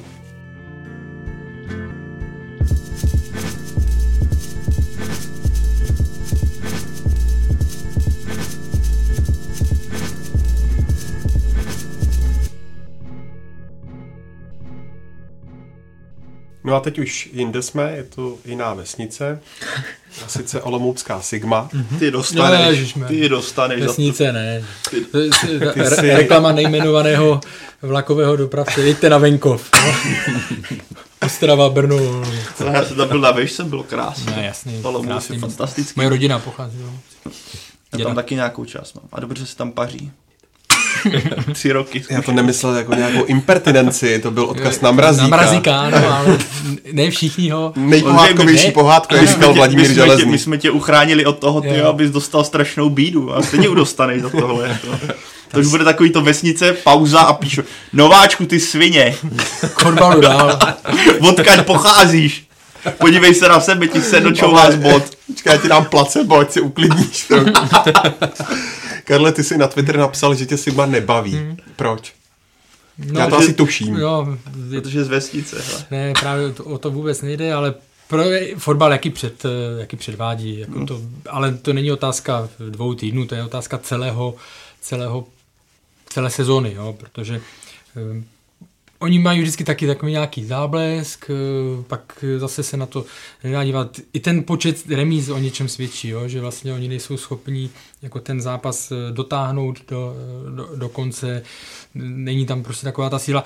Myslím si, zase použiju naše oblíbené jsme to říkali, ale na to si fakt vzpomínám, že jsme se před sezónou bavili o Sigmě a to, co jsme, a to, co jsme tam zmiňovali, je, že Sigma má svoje nějaké DNA, jakým způsobem vychovává mm. svoje hráče. A to jsou technický hráči, eh, nejsou to úplně nějaký soubojoví a tak dále. A fotbalový styl eh, Radoslava Látala, který předváděl předchozích klubech, je, op, nebo je opak, nebo je vzdálený toho, tomu, co je právě to, v té DNA Olmouce, o které se bavíme. A prostě tohle jsou podle mě dva jako rozdílné světy, které se nepodaří, kde se nepodaří eh, vytvořit ta chemie, kde si to prostě do sebe neklap, ne, nezaklapne a z toho pramení prostě to, že jsou eh, na hraně sestupové skupiny, to, že, jsou, to, že se ty výkony nejsou hezké, to, že z těch hráčů nemáte pocit, že by je to nějakým způsobem bavilo ten, ten fotbal, takže je to taková, je to jako kombinace, která si, která si roz, nesedla. Jako ten zápas ze strany Sigmy, jako bylo to strašná nuda. A byli jsme zvyklí na Sigmu rychlou, dynamickou, pamatuju si o tom, jak jsme tady, co to je rok, dva, mluvili jsme v superlativech o tom, jaký fotbal Sigma předvádí a jaká je zábava na ní koukat. Teďka člověk viděl ten zápas a je to pomalé, všechno jako bez takového nějakého nápadu, neslané, nemasné a hraješ proti poslednímu týmu no. tabulky, dostaneš teda na 2-1 a čekal bych teda, že přijde ten tlak, nějaký drtivý tlak. Ano, Sigma měla převahu na míči, ale byla to ve, ve, ve finále taková jako házená kolem 16 bez nějakého momentu překvapení nebo bez něčeho, uh, co by to řekněme, ten blok příbramy nějakým způsobem prolomil a to zaslouženě tak Sigma nakonec prohrál a ty jsi tady Scarlett přesně zmiňoval, Eh, to, co má Sigma v DNA. Vzpomeňme, Šimon Falta jednu dobu v reprezentaci, David Houska velice blízko reprezentace, nebo respektive možná dokonce byl, byl na nějakém byl. srazu. Ti dva kluci, mě, a teďka se dostaneme vlastně možná k tomu eh, tématu Ondřej Kolář. Podívejme se na to, kde je teďka Lukáš Kalva, kterému se podařilo z tohohle odejít a on v tom progresu pokračuje. A zatímco na těchto dvou klucích je podle mě výrazně znát, že za prvé jim nesedí ten styl, který je teďka nastavený a za druhé by potřebovali změnit prostředí, protože se zasekli. Ať už je to Šimon Falta, který si tam, ano, zkusí tam nějaké kličky, ale nějak výrazný nebyl. David Houska taky nepředvedl žádný extrémní výkon, nebo extrémně dobrý. To někdo tam hraje vlastně teďka na Twitteru, říkal, že když řeknu extrémně, tak si dává skoro panáka, takže se mu teďka omlouvám. Každopádně nedokážu. Ráno bolet hlava. Jestli to slyší. Každopádně v tomhle směru já si myslím, že je tady velký problém Sigmy, no. A to ještě co, co se jim podařilo přes zimu, že přivedli Lukáše Juliše, který má tu produktivitu hmm. velmi slušnou, tak díky tomu eh, ještě jako nějaké body udělali, protože na podzim vlastně tam útočníky nebo střelce, eh, střelce tam neměli, že jo? tak to je ještě jedna z věcí, která je drží eh, tam, kde jinak by to mohlo být možná i ještě horší. Jo. A ono, když se na ten kádr podíváš, jako není jak špatný no, není, jmenovitě. Není. Povedlo se přived Radima Brightyho, který tam přiná, když to srovnáváš třeba tím, s tím, co předváděl uh, Grešák, kterému to hmm. teda vůbec nevycházelo, zatím to olomoucké angažma, tak jsem čekal, že to přišel, že jo, Beneš vystužit obranu, podařilo se udržet uh, Jemelku, ten kádr a přesně jako v klíčový faktor v mých očích byl právě příchod Juliše, takže Sigma má ten kádr jako na papíře velice solidní, tak ale myslím, že prostě nevyužívá potenciál těch hráčů, který vychází z těch mládežnických týmů, jako co zmiňoval Karel, že tam je nastavený nějaký způsob hry, který ale Radek eh, Látal prostě nedokáže přetavit na hřišti. No. no ale tam bych ještě teda doplnil jednu věc, že bavíme se o tom, že Sigma má super akademii, že z ní vyrůstají mládežnický hráči, ale jako kde jsou? Tam teď, když se hmm. podíváte na hmm. sestavu, tak tam je Mojmír Chytil, který mu je 21 let a jinak vlastně tam v té sestavě mladý není nikdo. Tam jsou prostě hráči okolo 27, 28, jasný, 30 jasný. let. Takže ono jako i, i tahle ta pověst, že Sigma jako chrlí ty talenty a nebojí se jim dávat šanci, tak teď mi přijde, že trošku trpí. No a teď je otázka, čím to je, protože na druhou stranu teď ty ročníky eh, v minulé sezóně nebo v předminulé, teď nevím, Sigma vyhrála do rosteneckého soutěž, nastupuje tam teďka, je tam e, mladý Daněk, že jo, což je teda hmm. zase, ale to je dobře, že dostává prostě, ale to, ten je 17 letý nebo 18 hmm. letý, to je dva trojka podle mě, což je, což je super. A byly tam, byly tam ty ročníky, eh, tak Zima je vlastně, že, odchovancem mm, neúspěšný a je ve Slávě, ale ne, jako máš, máš pravdu. A ale... teď je otázka, jestli to je tím, jestli trenér chce dávat eh, prostor, nebo jestli tam ta kvalita vysoká není, ale znovu říkám, ty ročníky pořád končí v těch dorosteneckých ligách na jako pořád se pohybují na špici. Jo? Takže hmm. uvidíme, sami si myslím, že budou muset a to, co u Sigmy je zarážející, že taky neumí, nebo i ty hráči, že neumí udělat včas ten krok, ty jsi to tady zmiňoval s Davidem Houskou, se hmm. posunout, hmm. jo? protože si myslím, že on už eh, ten správný moment taky prováhal, jo, už se jim to bude, nebude se jim moc dobře prodávat, že jo, Jakub Plšek ten už odešel vlastně do, do Maďarska. Do Maďarska. E, takže tomhle třeba si, oni by si e, měli Někdy třeba je i zvláštní, jsem měl takový jedno období pocit, že ty hráči z Olomouce, oni když odešli, tak se strašně špatně prosazovali, nebo dlouho hmm. jim trvalo, než se prosadili v tom novém klubu. Lukáš Kalvách je třeba výjimka, hmm. jo. ale uh, Petr Ševčík to taky uh, mu nevyšlo na začátku, nebo hmm. v tom Liberci trvalo to dlouho. Radakovič uh, ve Spartě. Radakovič pospíšil, uh, pospíšil vlastně, jo, byl v Plzni, pak, pak tohle. Oni takové zvláštní zvláštní typy, no, nevím čím to, nevím čím to je, ale jako mývají, mývají víc trvá jim to obecně díl, než hmm. si zvyknou v novém prostředí. Tomáše Chorého se čekalo víc v Plzni.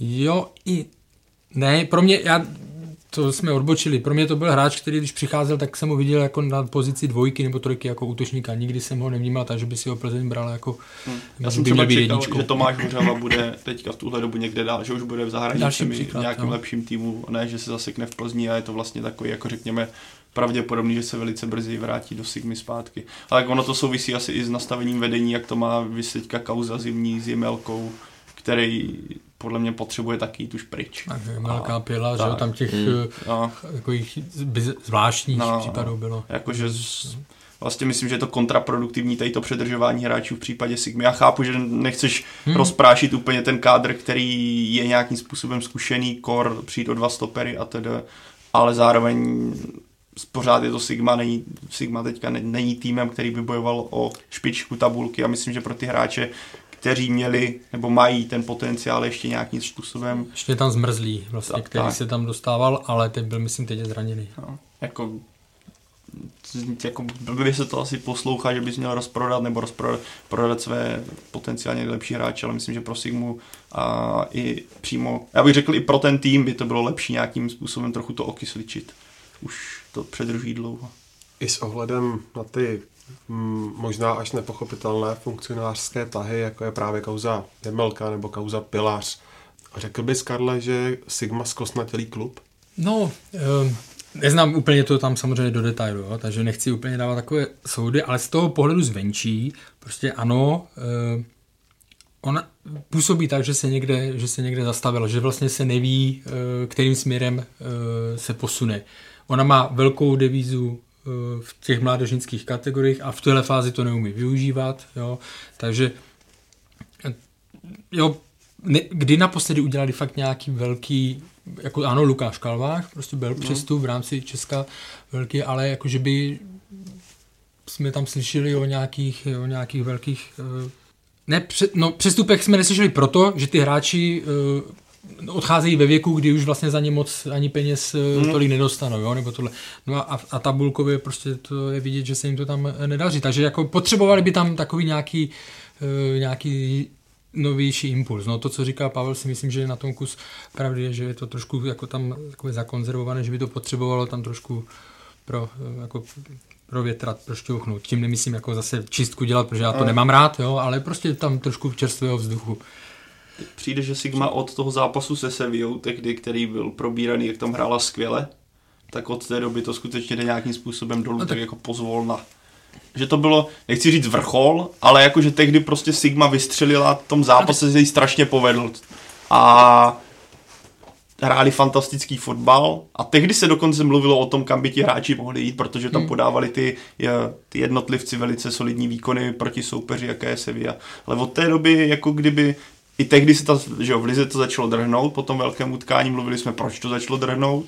A od té doby se na to nepodařilo v podstatě nějakým způsobem navázat. A Sigma v podstatě tak pomalu, ne jako úplně drop dolů, ale tak pomalu prostě ustupuje z těch míst, které měla. A když jsme čekali, že Sigma bude týmem, který bude bojovat o nejlepší šestku automaticky, protože ten kádr na to má, nebo minimálně měla. Fanoušci vzpomínají na uh, několik let uh, strávených uh, s koučem Václavem Mílkem. Myslíš, že je tady, Davide, nějaká reálná možnost, že by se bývalý kouč Sparty vrátil do Sigmy? To nevím, to je takový opravdu věštění. Jako samozřejmě tomu nahrává to, že on tam má rodinu v Olomouci, že na ty zápasy tam chodí, že tam je často k vidění, tak asi jako to každýho napadne, že tohle může být varianta, ale zatím já si pořád myslím, že u Sigmy mají bonus v tom, že jsou pořád ve hře v poháru, že jsou v semifinále, kde je čeká Liberec, což mm, jako není zase úplně nehratelný soupeř a teoreticky mají prostě šanci dostat se do finále a podívat se do Evropy přes pohár. Takže uh, v tom vidím ještě jako výhodu pro trenéra Látela, že dokud budou ve hře v poháru, tak asi, asi ho vedení podrží pravděpodobně. Ale co se stane potom, to opravdu se neodvažuji hádat. No. Byl by to hodně rychlej návrat, kdyby se tam Václav Fílek znovu objevil. Si myslím, že pro Sigmu by to bylo to bude znít blbě, ale byl by špatně, kdyby se jí podařilo dostat se do poháru, protože vidíme, jak... Je, že špatně, není na to připravená. Tak, není, není, no, není na to připravená a bylo by to přesně takový to, uh, takový to alibi, proč, když se nám nedaří v lize, ale udělal se ten pohár, takže vlastně nic neřešit a v podstatě tím, že by se dostal do poháru, tak navíc ještě ty hráče držet dál, aby právě v těch pohárech nevyhořel. Hmm. Tudíž já si myslím, že naopak Sigma potřebuje nějaký šok teďka, a nějak začít jednat, než aby pak našla to alibi a v podstatě pokračovalo v tom statusu quo a držela si to dál. Otázka na všechny, dokončí kouč Látal sezónu v Signě? I z toho pohledu, že jsou ve hře v pohárech, tak no. já, já bych řekl, že jo. Já si taky myslím, že jo. Já si myslím, že jo, příští už nezačne. Abychom ještě slovem zavadili o výkonu e, příbramy, první body, vlastně první výhra v sezóně venku. E, jak to hodnotíš, Karle? Góly Antvio, mm, Matěj Polidar, vlastně už hráč Sparty se trefil. No, myslím, že to navázalo na to, co jsme se bavili tady, eh, tady minule, že, že prostě Příbram bude hrát pod eh, Pavlem Horvátem, dobře organizovaný fotbal, dobrý je z jejich pohledu, oni prohrávali, že? Mm. Takže to dokázali prostě, dokázali to otočit. Mně se strašně líbila třeba reakce Antviho, když dal gol, jak si váží té šance od Pavla Horváta, protože běžel za ním, já to nevní, neberu to vůbec jako nějaké vlez do prdelkovství, jo, ale spíš, že prostě jo, ten, že běžíš k trenérovi, mu jako ukázat, že si splnil úkol, nebo protože on vypadl, že jo, na, na podzim potom nebo už nehrál. Takže si myslím, že i to je vidět, že to jsou takové pozitivní, pozitivní signály a, a nevím, jak to dotáhnou, kam to dotáhne příbram nebo ne, ale, ale je to příjemné oživení, že prostě se z odepisovaného týmu, že hmm. začal eh, minimálně s, prostě se s ním musí teďka počítat, že to tam, že to nikomu neodevzdají ty body, nebo že ne, jako mě to ne, teď vím, že ta odpověď je taková komplikovaná a blekotavá, ale, ale navázal bych jenom na to, co jsme se bavili minule. No. Říkám, nevím, jak moc to půjde dál a jestli se zachrání, pokud by se mu to podařilo, tak by to byl fakt e, zázrak nebo jako majsterštyk, ale prostě je vidět, že ta příbram teď je mnohem e, kompaktnější, organizovanější, než byla.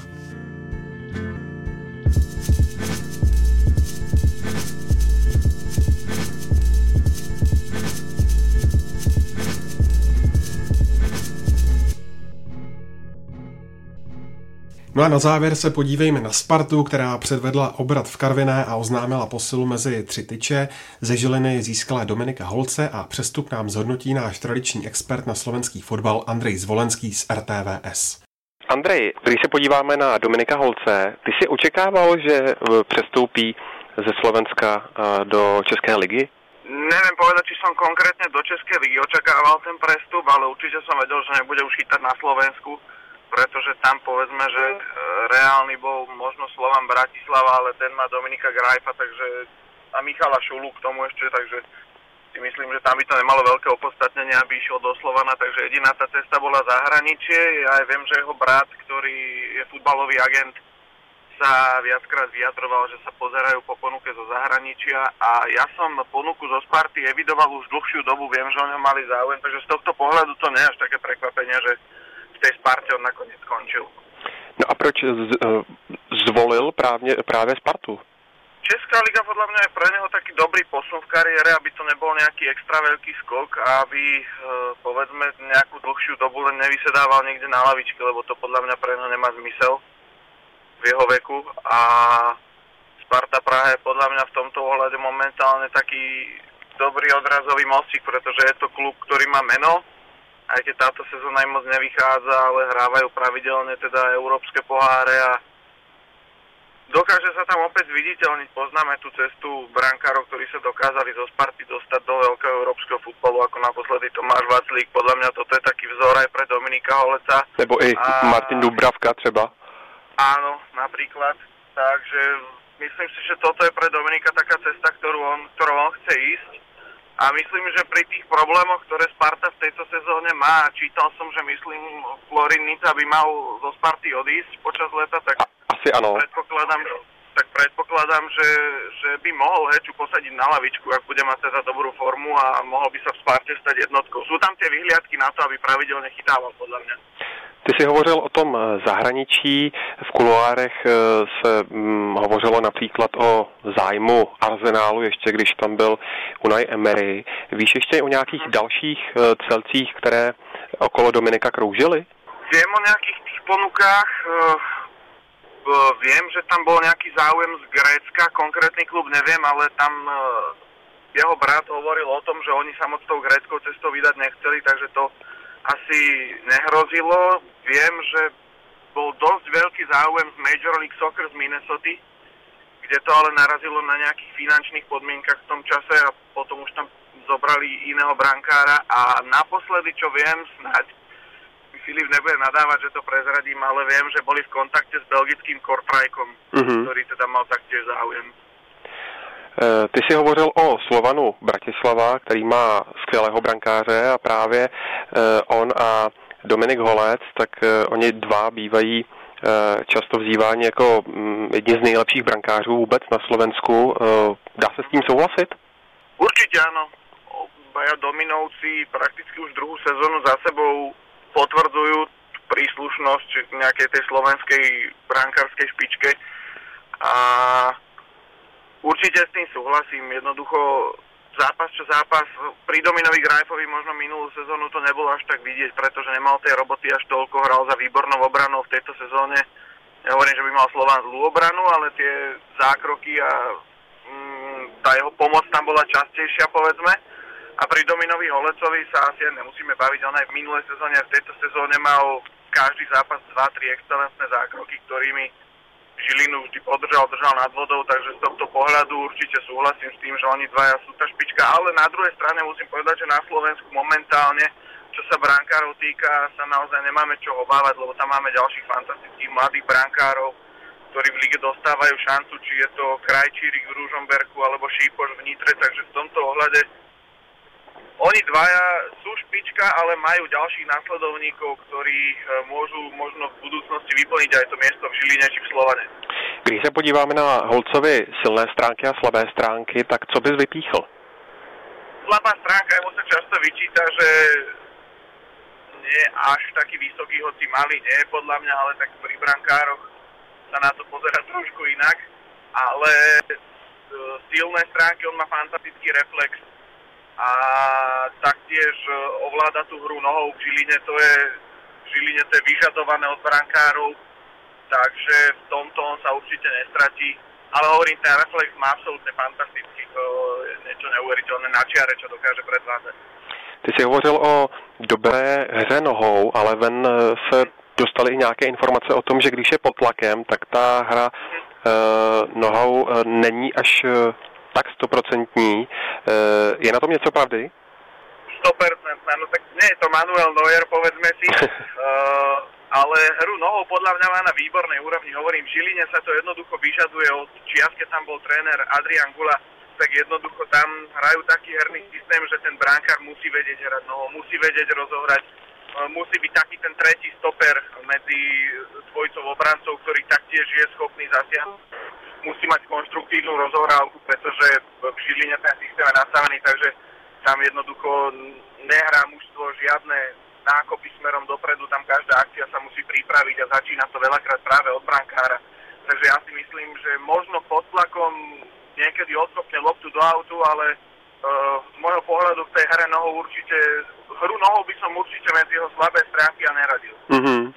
Ty si taky vzpomněl eh, Adriana Gulu, který teďka válí z Plzní. Eh, právě pod ním si ale Holec úplně až tolik nezahrál. Proč myslíš, že tomu tak bylo? Konkrétne dôvody asi musia, alebo teda vedia iba Aďo Gula a Domino Holec. Viem, že tam bol tento problém jednoducho dlhodobo, dlhodobo Adrian Gula prednostňoval Miloša Bolešáka, ale ono keď sa človek pozrie na tú históriu, Miloša Volešáka, tak ono to zase nie je až také prekvapujúce, že ho uprednostňoval, pretože práve Adrian Gula si ho priviedol z Trenčína do Žiliny. Takže mal ho kvázi ako svojho brankára a z toho dôvodu bol Miloš Volešák počas celého pôsobenia Aďagulu v Žiline jednotkou a Dominikovi Holecovi sa nejako nedarilo sa presadiť do brány. Riešil to aj hostovaniami, hlavne to v Senici mu vyšlo veľmi dobre, tam sa naozaj ukázal vo fantastickom svetle a prakticky po príchode trénera Kentoša a odchode Adriana Gulu k reprezentácii do 21 rokov už e, sa stal jednotkou Dominik, takže asi to vypovedá o tom, že ten vzťah medzi nimi nebol úplne ideálny a že tá šanca teda prišla až pod druhým trénerom. Ale naozaj, prečo to tak bolo, to ja dovnútra neviem posúdiť, prečo Dominik jednoducho nedostával pod trénerom Dulom až toľko šancí. Když se teďka podíváme na současné výkony Milana Heči ve Spartě, kterému ani nepomáhá moc e, obrana, tak myslíš, že má Holec na to, aby se stal jedničkou od e, příští sezóny? No ako som už spomínal na začiatku, ja si myslím, že Dominik Holec má na to kvalitu, aby bol jednotkou. Hmm. Predsa len, ako si povedal aj ty, tie výkony, teraz som sledoval posledné e, obdobie od začiatku jarnej časti aj Spartu, aj celkovo Českú ligu trošku. A myslím si, že ten priestor na to, aby Dominik Holec posadil Milana Heču tam je, ale záleža to samozrejme bude od neho, ako mu sadne prostredie, ako sa on bude cítiť v novom klube, pretože tam je strašne veľa vecí, ktoré môžu tie jeho výkony ovplyvniť. Ale pokiaľ on si pôjde naďalej v tej jeho, povedal, v tom jeho štandarde, by som povedal, ktorý predvádzal v Žiline, tak si myslím, že čo sa bránkarského postu týka, tak v Sparte by jednotkou byť mohol. No a tvůj tip na závěr. Prosadí se Dominik Holec ve Spartě? je to taký húžernatý chalan, nepoložilo ho vlastne ani to, že dlhé roky v Žiline bol prehliadaný, dokázal sa dostať na post jednotky, dokázal sa zaradiť medzi brak špičku na Slovensku, takže vďaka tej jeho húžernatosti si myslím, že, že áno, podľa mňa sa presadiť dokáže. Podívat se musíme na to utkání v Karviné, Karle. Dva e, naprosto odlišné poločasy ze strany Sparty. Co rozhodlo, že si e, letenčtí vezou domů tři body? Tak eh, jeden z těch faktorů je určitě to, co, jsme, to, co se probíralo po zápase, to znamená nějaké změny že jo, na pozicích o poločasové, to znamená, že se Carlson prohodil. Carlson s Hloškem, že se, že se prohodili, tak to je určitě, ale samozřejmě nejenom to, Sparta se začala mnohem víc, mnohem víc hýbat, byla, byla živější a pomohly ty dva rychlé góly. Si myslím, že to fakt Karvinou dostalo hodně na kolena, protože ty góly byly nádherné, ale vlastně pro ty hráče je to, eh, byť ten golman s tím moc nemohl dělat, tak pro ty hráče je to frustrující, protože vy je vlastně ani nepustíte jako do klasické šance a stejně prohráváte, stejně prohráváte jedna dva, protože se trefili parádně. Jo. Takže si myslím, že tohle Karvinou dostalo dolů a Sparta už naopak dokázala využít toho eh, sebevědomí nebo toho klidu, který se jako do ní dostala, hrála, hrála eh, určitě živěji. Hmm. Tam pro mě byl klíč ten Carlsonův gól. Tam, hmm. že Sparta do toho vlítla do toho druhé poločasu, ale kdyby ten tlak chvilku trval, tak já si myslím, že a nepadl gól, tak to půjde zase dolů klasicky. Protože tak to by jenom u sebejistějších týmů, než je teďka v současnosti Sparta, to tak bývá. Ale ten gól byl strašně klíčový, protože na letenských bylo, to bylo jak když, eh, jak jsem byl tady párkrát říkal, že prostě ucítili takovou tu krev, najednou ucítili, že ten soupeř je zranitelný a už zatím šli, zrychlili to, najednou Adam Hložek, který třeba do té doby byl v prvním poločase hodně nevýrazný, tak klíčová postava toho týmu, ten gol byl nádherný a celkově Sparta ožila. Najednou to bylo rado, rado sledovat Spartu, ale zase se nesmí zapomínat vedle té chvály, že ta defenzivní práce v první půlce byla dost tristní, opět zase góly po individuálních chybách, nedůrazu a v druhé půlce prostě Karviná už vypadla a vlastně Spartu nějakým způsobem v tomhle směru neprověřila, protože snad neměla ani střelu, ani mimo branku. Ale ta první půlka zase pro mě ukázala, eh, jak Sparta je nadále zranitelná, jen vezmeme ten začátek utkání 35. vteřina a nějak z, z vaší rozehrávky a míč propadne, projede za obranu, dostanete gól, který eh, tomu se asi dostaneme, jestli to byl fall nebo ne, ale Jenom to vypovídá o tom, v, jak, jaké, v jakém stavu Sparta nadále v té defenzivě je. Ale zase takhle, abych, abych zase nepřišel do kritiky, ta, ten druhý poločas byl dobrý příslip a myslím, že to může být cená jako nějaká injekce pro ten tým, že to jde, že se dokáže kousnout a teďka bude mít doma teplice, takže jako kdy jindy to potvrdit. No. No a když jsme u toho faulu, tak eh, Davide, byl to faul a neměl to sudí vidět a ne to zkoumat eh, pak z varu? Faul to byl, z mého pohledu určitě. Jestli to měl vidět, přiznám se, že teď si úplně nevybavuju, v jakém byl postavení. Byl v dobrém. Byl, byl v dobrém, ukazovali to ve hmm. studiu vlastně v polo, poločasovém. V tom případě to vidět měl. A díval se na to, nikdo Ale... mu tam nezavazil. Hmm. Jo? Ale samozřejmě tohle je zase výhoda toho varu, jako buďme rádi v tomhle případě, že ho máme, protože tady to byla prostě opravdu zjevná chyba, takže, takže fajn, že rozhodčí ho opravil, nebo že ho na to upozornil, že on se to šel prohlídnout a, a uznal, že tam něco přehlídl, tak dobře, že to tak bylo, ale eh, když už jsme se bavili o tom bránění, to bylo fakt jako, to, to bylo strašný. Tady bez ohledu na to, že tam byl nějaký faul, tak potom ten styl, jakým tam Sparta nebo, nebo Michal Sáček konkrétně, mm, jak tam mm, bránili, to, to bylo fakt tristní a pak při tom gólu, který už platil, kterým šla Karviná do vedení, tak se ukázalo jako ješ, ještě výrazněji ty nedostatky, protože to nebylo jenom, že Michal Sáček tam neubrání Lingra, který střílí, to tam bylo předtím série jako špatných rozhodnutí při bránění a celkově prostě to týmové bránění bylo na hrozně špatný úrovni v téhle situaci a i v mnoha dalších, ale tuhle tu Karviná potrestala. Hmm. Jenom tam si myslím, že se u toho videa řešilo, ne, ne že ten faul to bylo jasný, mm. jo, potom se to ukázalo, to bylo. Tam se pak řešila vlastně, dokdy se může, dokdy by se mělo vracet jo, v rámci jo, té, jo. jaká je ta, že se vrací k nějakému vlastně faulu, no. který předcházel, předcházel tohle. A já se ještě vrátím, jenom zase jsme se bavili o těch taktických tazích a tak dále. Minulý týden, že jsme trenéra Kotala kritizovali za, za, prostě za sestavu za, a tak dále, za, za hráče na jiných pozicích. A bavili jsme se ale o tom, ano, ten zápas mu nevyšel, jo, takzvaně, jak se říká, prokaučovaný, teď zase se mu to povedlo. A bavili jsme se ale i o tom právě, že zmiňovaný Guardiola, který o tom říká, že vlastně se to nedá hodnotit ten trenér úplně podle toho, že jeden týden z něho budeme dělat pitomce a druhý týden, hmm. že, to je, že to je král. Prostě to, tohle se stane, tam jde o to, jakým způsobem v dlouhodobějším horizontu ten trenér se hodnotí, jak, jak v dlouhodobějším horizontu, jakým stylem se prezentuje ten jeho tým, jestli těch, jestli těch eh, chyb je eh, prostě víc nebo, nebo se stane jednou za často. To jako, hmm. Takže chci jenom říct, že jeden týden to není tak, že by eh, Václav Kotal byl Eh, špatný trenér, naopak, vždycky jsme ho tady chválili, že jo, a tohle, a, takže nejde z něho dělat ani, ani pitomce, ani genia. To jsem zvědavý, jestli si podrží Michala Sáčka na pravém beku.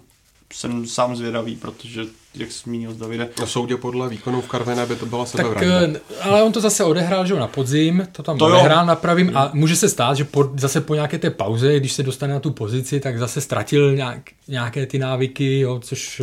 Eh, jo, ale on dopředu jako má, má super předpoklady na pravý obránce, to je vidět, že on Nemyslím si, že by na podzim přejít... takhle chyboval. Mm, jako... On umí přejít přes hráče, ale jako je to už, na druhou stranu už je to jako několikátá chyba, kterou u něj vidím. Vybavím mm. si třeba i ten zápas za 21, mm. kde naskočil vlastně úplně poprvé na pravém obránci a tam zavinil gol, jo, bylo jo. to čistě jeho a přišlo mi, že teď v Karviní, i když už to pravýho beka od té doby moc krát hrál, tak dělal vlastně podobné chyby, hmm. že je vidět, že ty návyky při tom bránění tam prostě nemá, protože to eh, neznám úplně jeho historii v mládežnických kategoriích, ale mám dojem, že to prostě do té doby, než ho tam postavili v 21, nikdy nehrál. A to do toho hráče, jako když ho tam dáte poprvé na tu pozici v 21, ve 22, tak už to do něj jako těžko dostáváte. Zrovna na pozici toho pravého obránce, kde je hodně důležitý, aby měl vyváženou tu obranou a útočnou činnost. Tak jako je, přijde mi, že je strašně těžký jako ho naučit, jak se tam brání v tomhle prostoru, protože je to něco jiného, než hrát toho středního záložníka. Je to fakt jako velký rozdíl. A, ale na druhou stranu třeba mě to nutí jako ke srovnání ze Sláví, kde prostě trenér Trpišovský dá Tomáše Holeše jako na pozici středního záložníka a on to odehraje úplně prostě v klidu. Je to je fakt zvláštní, jak někdy tady ty tahy vyjdou fantasticky a ten trenér je jako za génia najednou a lidi si říkají, no jo, jak to, že jsme to neviděli dřív, že on tam může hrát. A někdy naopak to prostě vypadá, že ten trenér se jako zbláznil, ale, ale může to být třeba jenom ojedinělý výpadek jo, toho hráče, ale myslím si, že Michal Sáček, že to už prostě ojedinělý výpadek úplně jako není, že na, na tu pozici, že u něj prostě nemáte stoprocentní jistotu, že to tam odehraje. Fakt si myslím, že jako dopředu dobrý, ale dozadu hmm.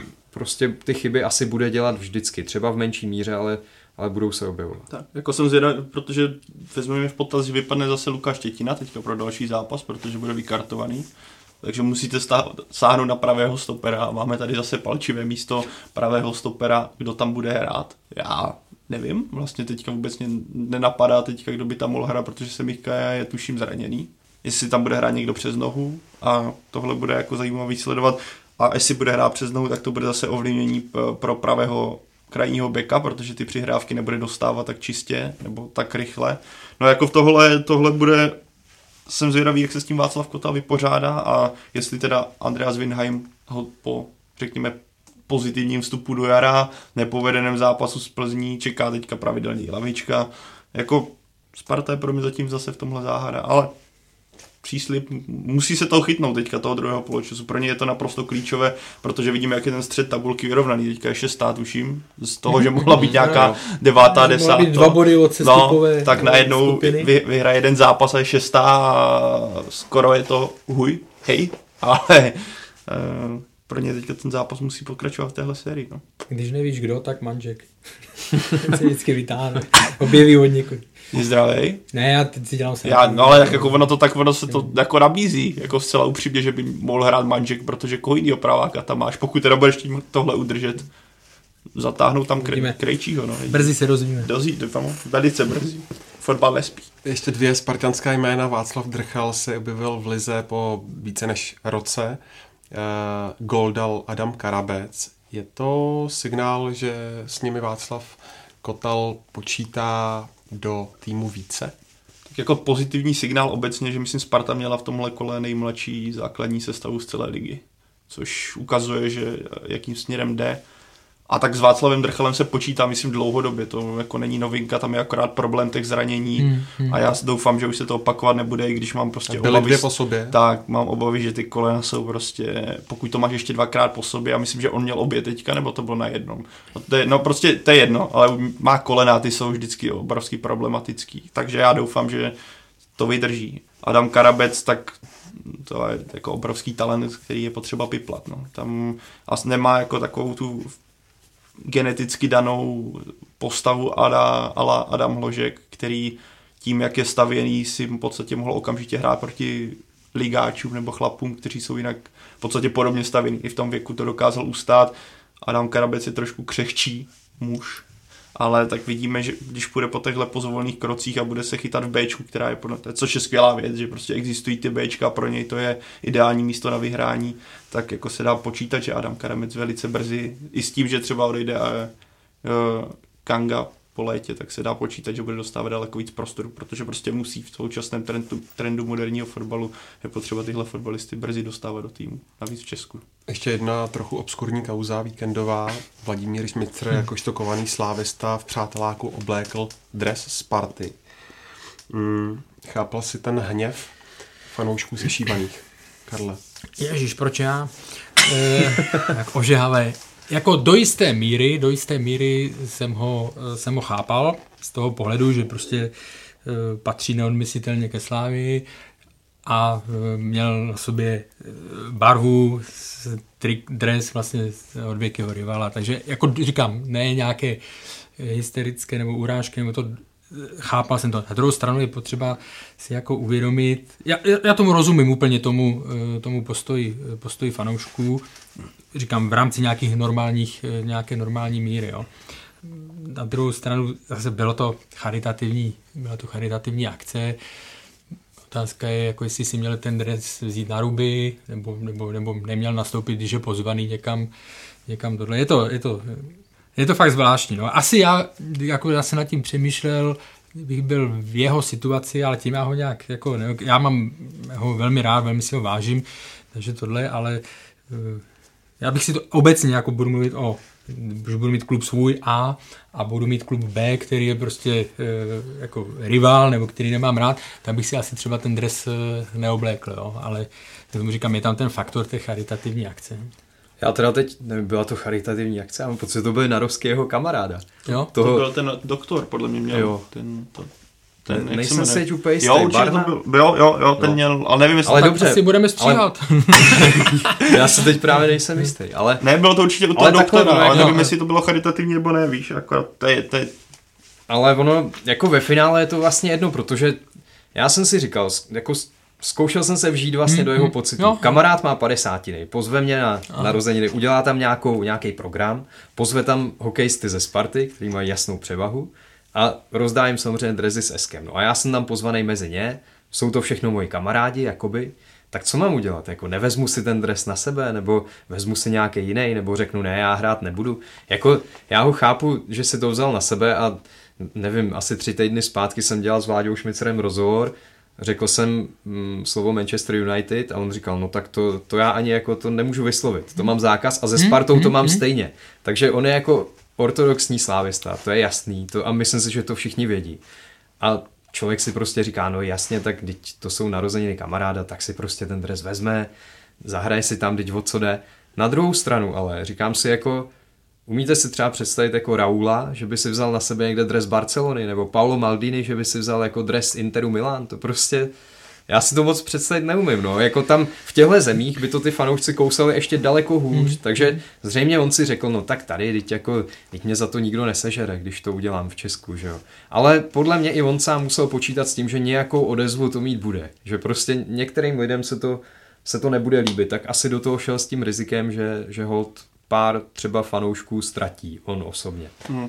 Se omlouvám, jestli jsem to teda uvedl špatně, jako protože já jsem ty texty k tomu nečetl, já jsem byl no, tak pohlcen Fortuna ligou, že jsem prostě nic ostatního ne, nečetl.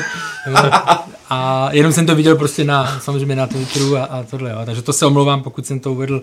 Je to, ale je to to, co řík, David to popsal přesně, jako tam na to je několik mm. úhlů pohledu a, a pořád se snažím jako vžít do té, kdybych byl v té situaci sám, ale já to přeženu, jo. Kdybych prostě se ocitl v jeho situaci, tak já dám příklad, já bych třeba to a teď mě nechytejte za slovo, jestli to je Slávia nebo, nebo Sparta, budu jako A a B prostě, tak bych třeba si to triko dal na ruby, nebo bych si vzal nějakou podobnou barvu.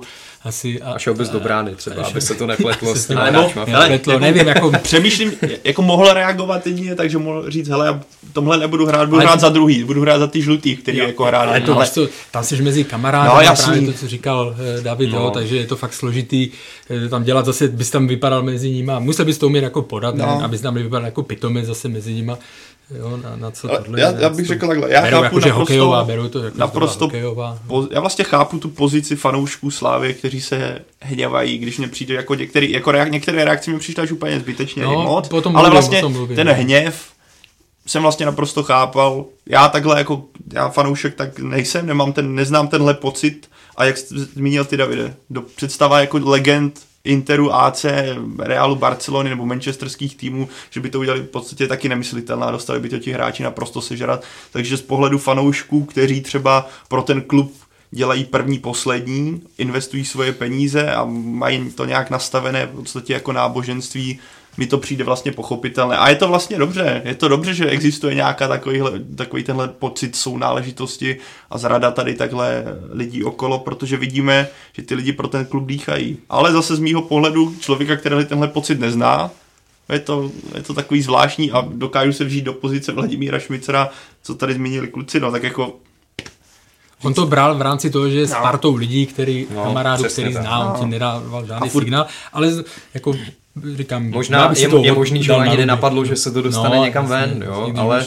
ale když to, když to zlehčím nakonec, uh, úplně o to myslí jako jak jsme se bavili o těch ikonách, mm. prostě jestli by si vzali na sebe dres AC Milan, Manchester United, Liverpool, nebo naopak úplně úžasná tenkrát byla scéna uh, v, na Sky Sports uh, v tom pondělním studiu, které to je fantastické studio, tak tam vlastně, já už nevím, jestli to byla nějaká sázka. Jo, oni si se sadili, no. Uh, Neville, že jo, Carragher mm. si oblikli dresy vlastně ten Liverpool a ten Manchester United, jestli si to jo. vzpomínám, a to prostě, a úplně tam je na tom krásně vidět, jak jim to bylo jako oběma fakt nepříjemné, jo, a v tom je to kouzlo podle mě, hmm. jo, že si vlastně musí něco takového eh, na sebe oblíknout, no, prostě Carragher, dres no. arcirivala. Carragher si snad, myslím, ani, ne, někdo z nich si ho nedal, hodil to po něm to tom druhý, zatímco ten jeden tak, si to dal a ten druhý.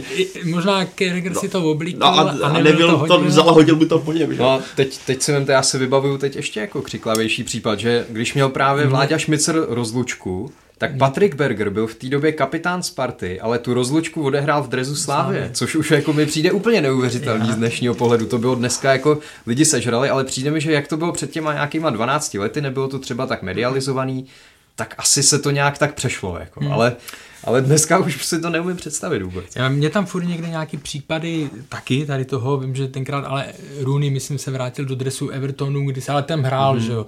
Vím, že Michael Owen, když na exhibicích jako si vezme zpátky vlastně dres Liverpoolu, jo. tak pro byla exibice, vítali všechny hráče a to bylo prostě eh, eh, po každém tom a oznámil se Michael Owen a polovina, eh, polovina Anfieldu jako tleskala, nebo tohle a polovina uměla no, jako by prostě. Takže je to fakt jako citlivé, ale zase jako je to, já jsem tam někde na hranici mezi zdrav, jako zachování nějakého zdravého rozumu, mm. jo, aby to prostě ne, neskončilo nějakou hysterii a zároveň ale chápu úplně ten, ten prvek toho, eh, toho fanouškoství, toho, té podstaty toho, že prostě já ho jako chápu, že to udělá, ale myslím si, že musí počítat s tím, mm. že, že to bude mít nějakou odezvu, že negativní. To je, to je prostě jasný, takže pokud se jako divil, že tím někoho naštval, tak tak, jako tak nevím, no, tak, tak prostě jako člověk, se jako, člověk to musí chápat, že, že ty fanoušci, kteří tomu hmm. jako obětují uh, všechen svůj čas, dávají do toho srdce, tak, takže prostě tohle namíchne, ale ze svého pohledu taky tomu jako nerozumím. Já bych nad tím mávnul rukou asi, ale jako je to, pro, pro někoho to může být opravdu jako otázka života a smrti téměř. Hmm. Tak jako negativní budou reakce na náš závěr, nebo rozpol, rozpolcené já teďka, teďka si dám tečku, kterou podle mě si mi to vrátí, ale myslím, ne, že za rok si za to nikdo nespomene. Někteří jo, ale myslím, že tak. Tohle ta... se drží, bacha. A to se drží, to se drží. Já si, a jako, já, jako takhle, někteří na nezapomenou, to už budou mít, jako pro některý fakt bude poskvrděný navždy, ale myslím, že část lidí za rok už si nespomene. Ale ne, ne takové to, ježiš, už nikdy víc, No. no. zapomínám na tebe, všecko zapomenu to, tak to ne. Mažu si tě bejku. Jo, no. Tak to pojďme uzavřít. Ve středu hraje Sparta s Teplicemi povinné tři body pro Pražany. Ano. Jako jestli jsou povinné, nebo jestli vyhrajou. Jestli jsou povinné a jestli vyhrajou. Povinné jsou, to je nechá odpověď. A... Ty bys řekl, Jo, jo, vyhrajou. nejsou povinné, ale vyhraj. Ne, pro mě jsou obě ano. Jo, vyhrajou.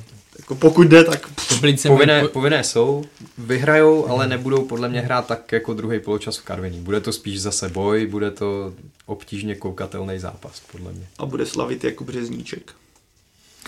Až tak? Co se ti do té odpovědi, jo, ten vlastně nemůže prohrát. To No, takže Tak jo, tak to je z dnešního Fotbal Focus podcastu všechno. Davide, Karle a Pavle, moc krát díky za vaše komentáře a postřehy.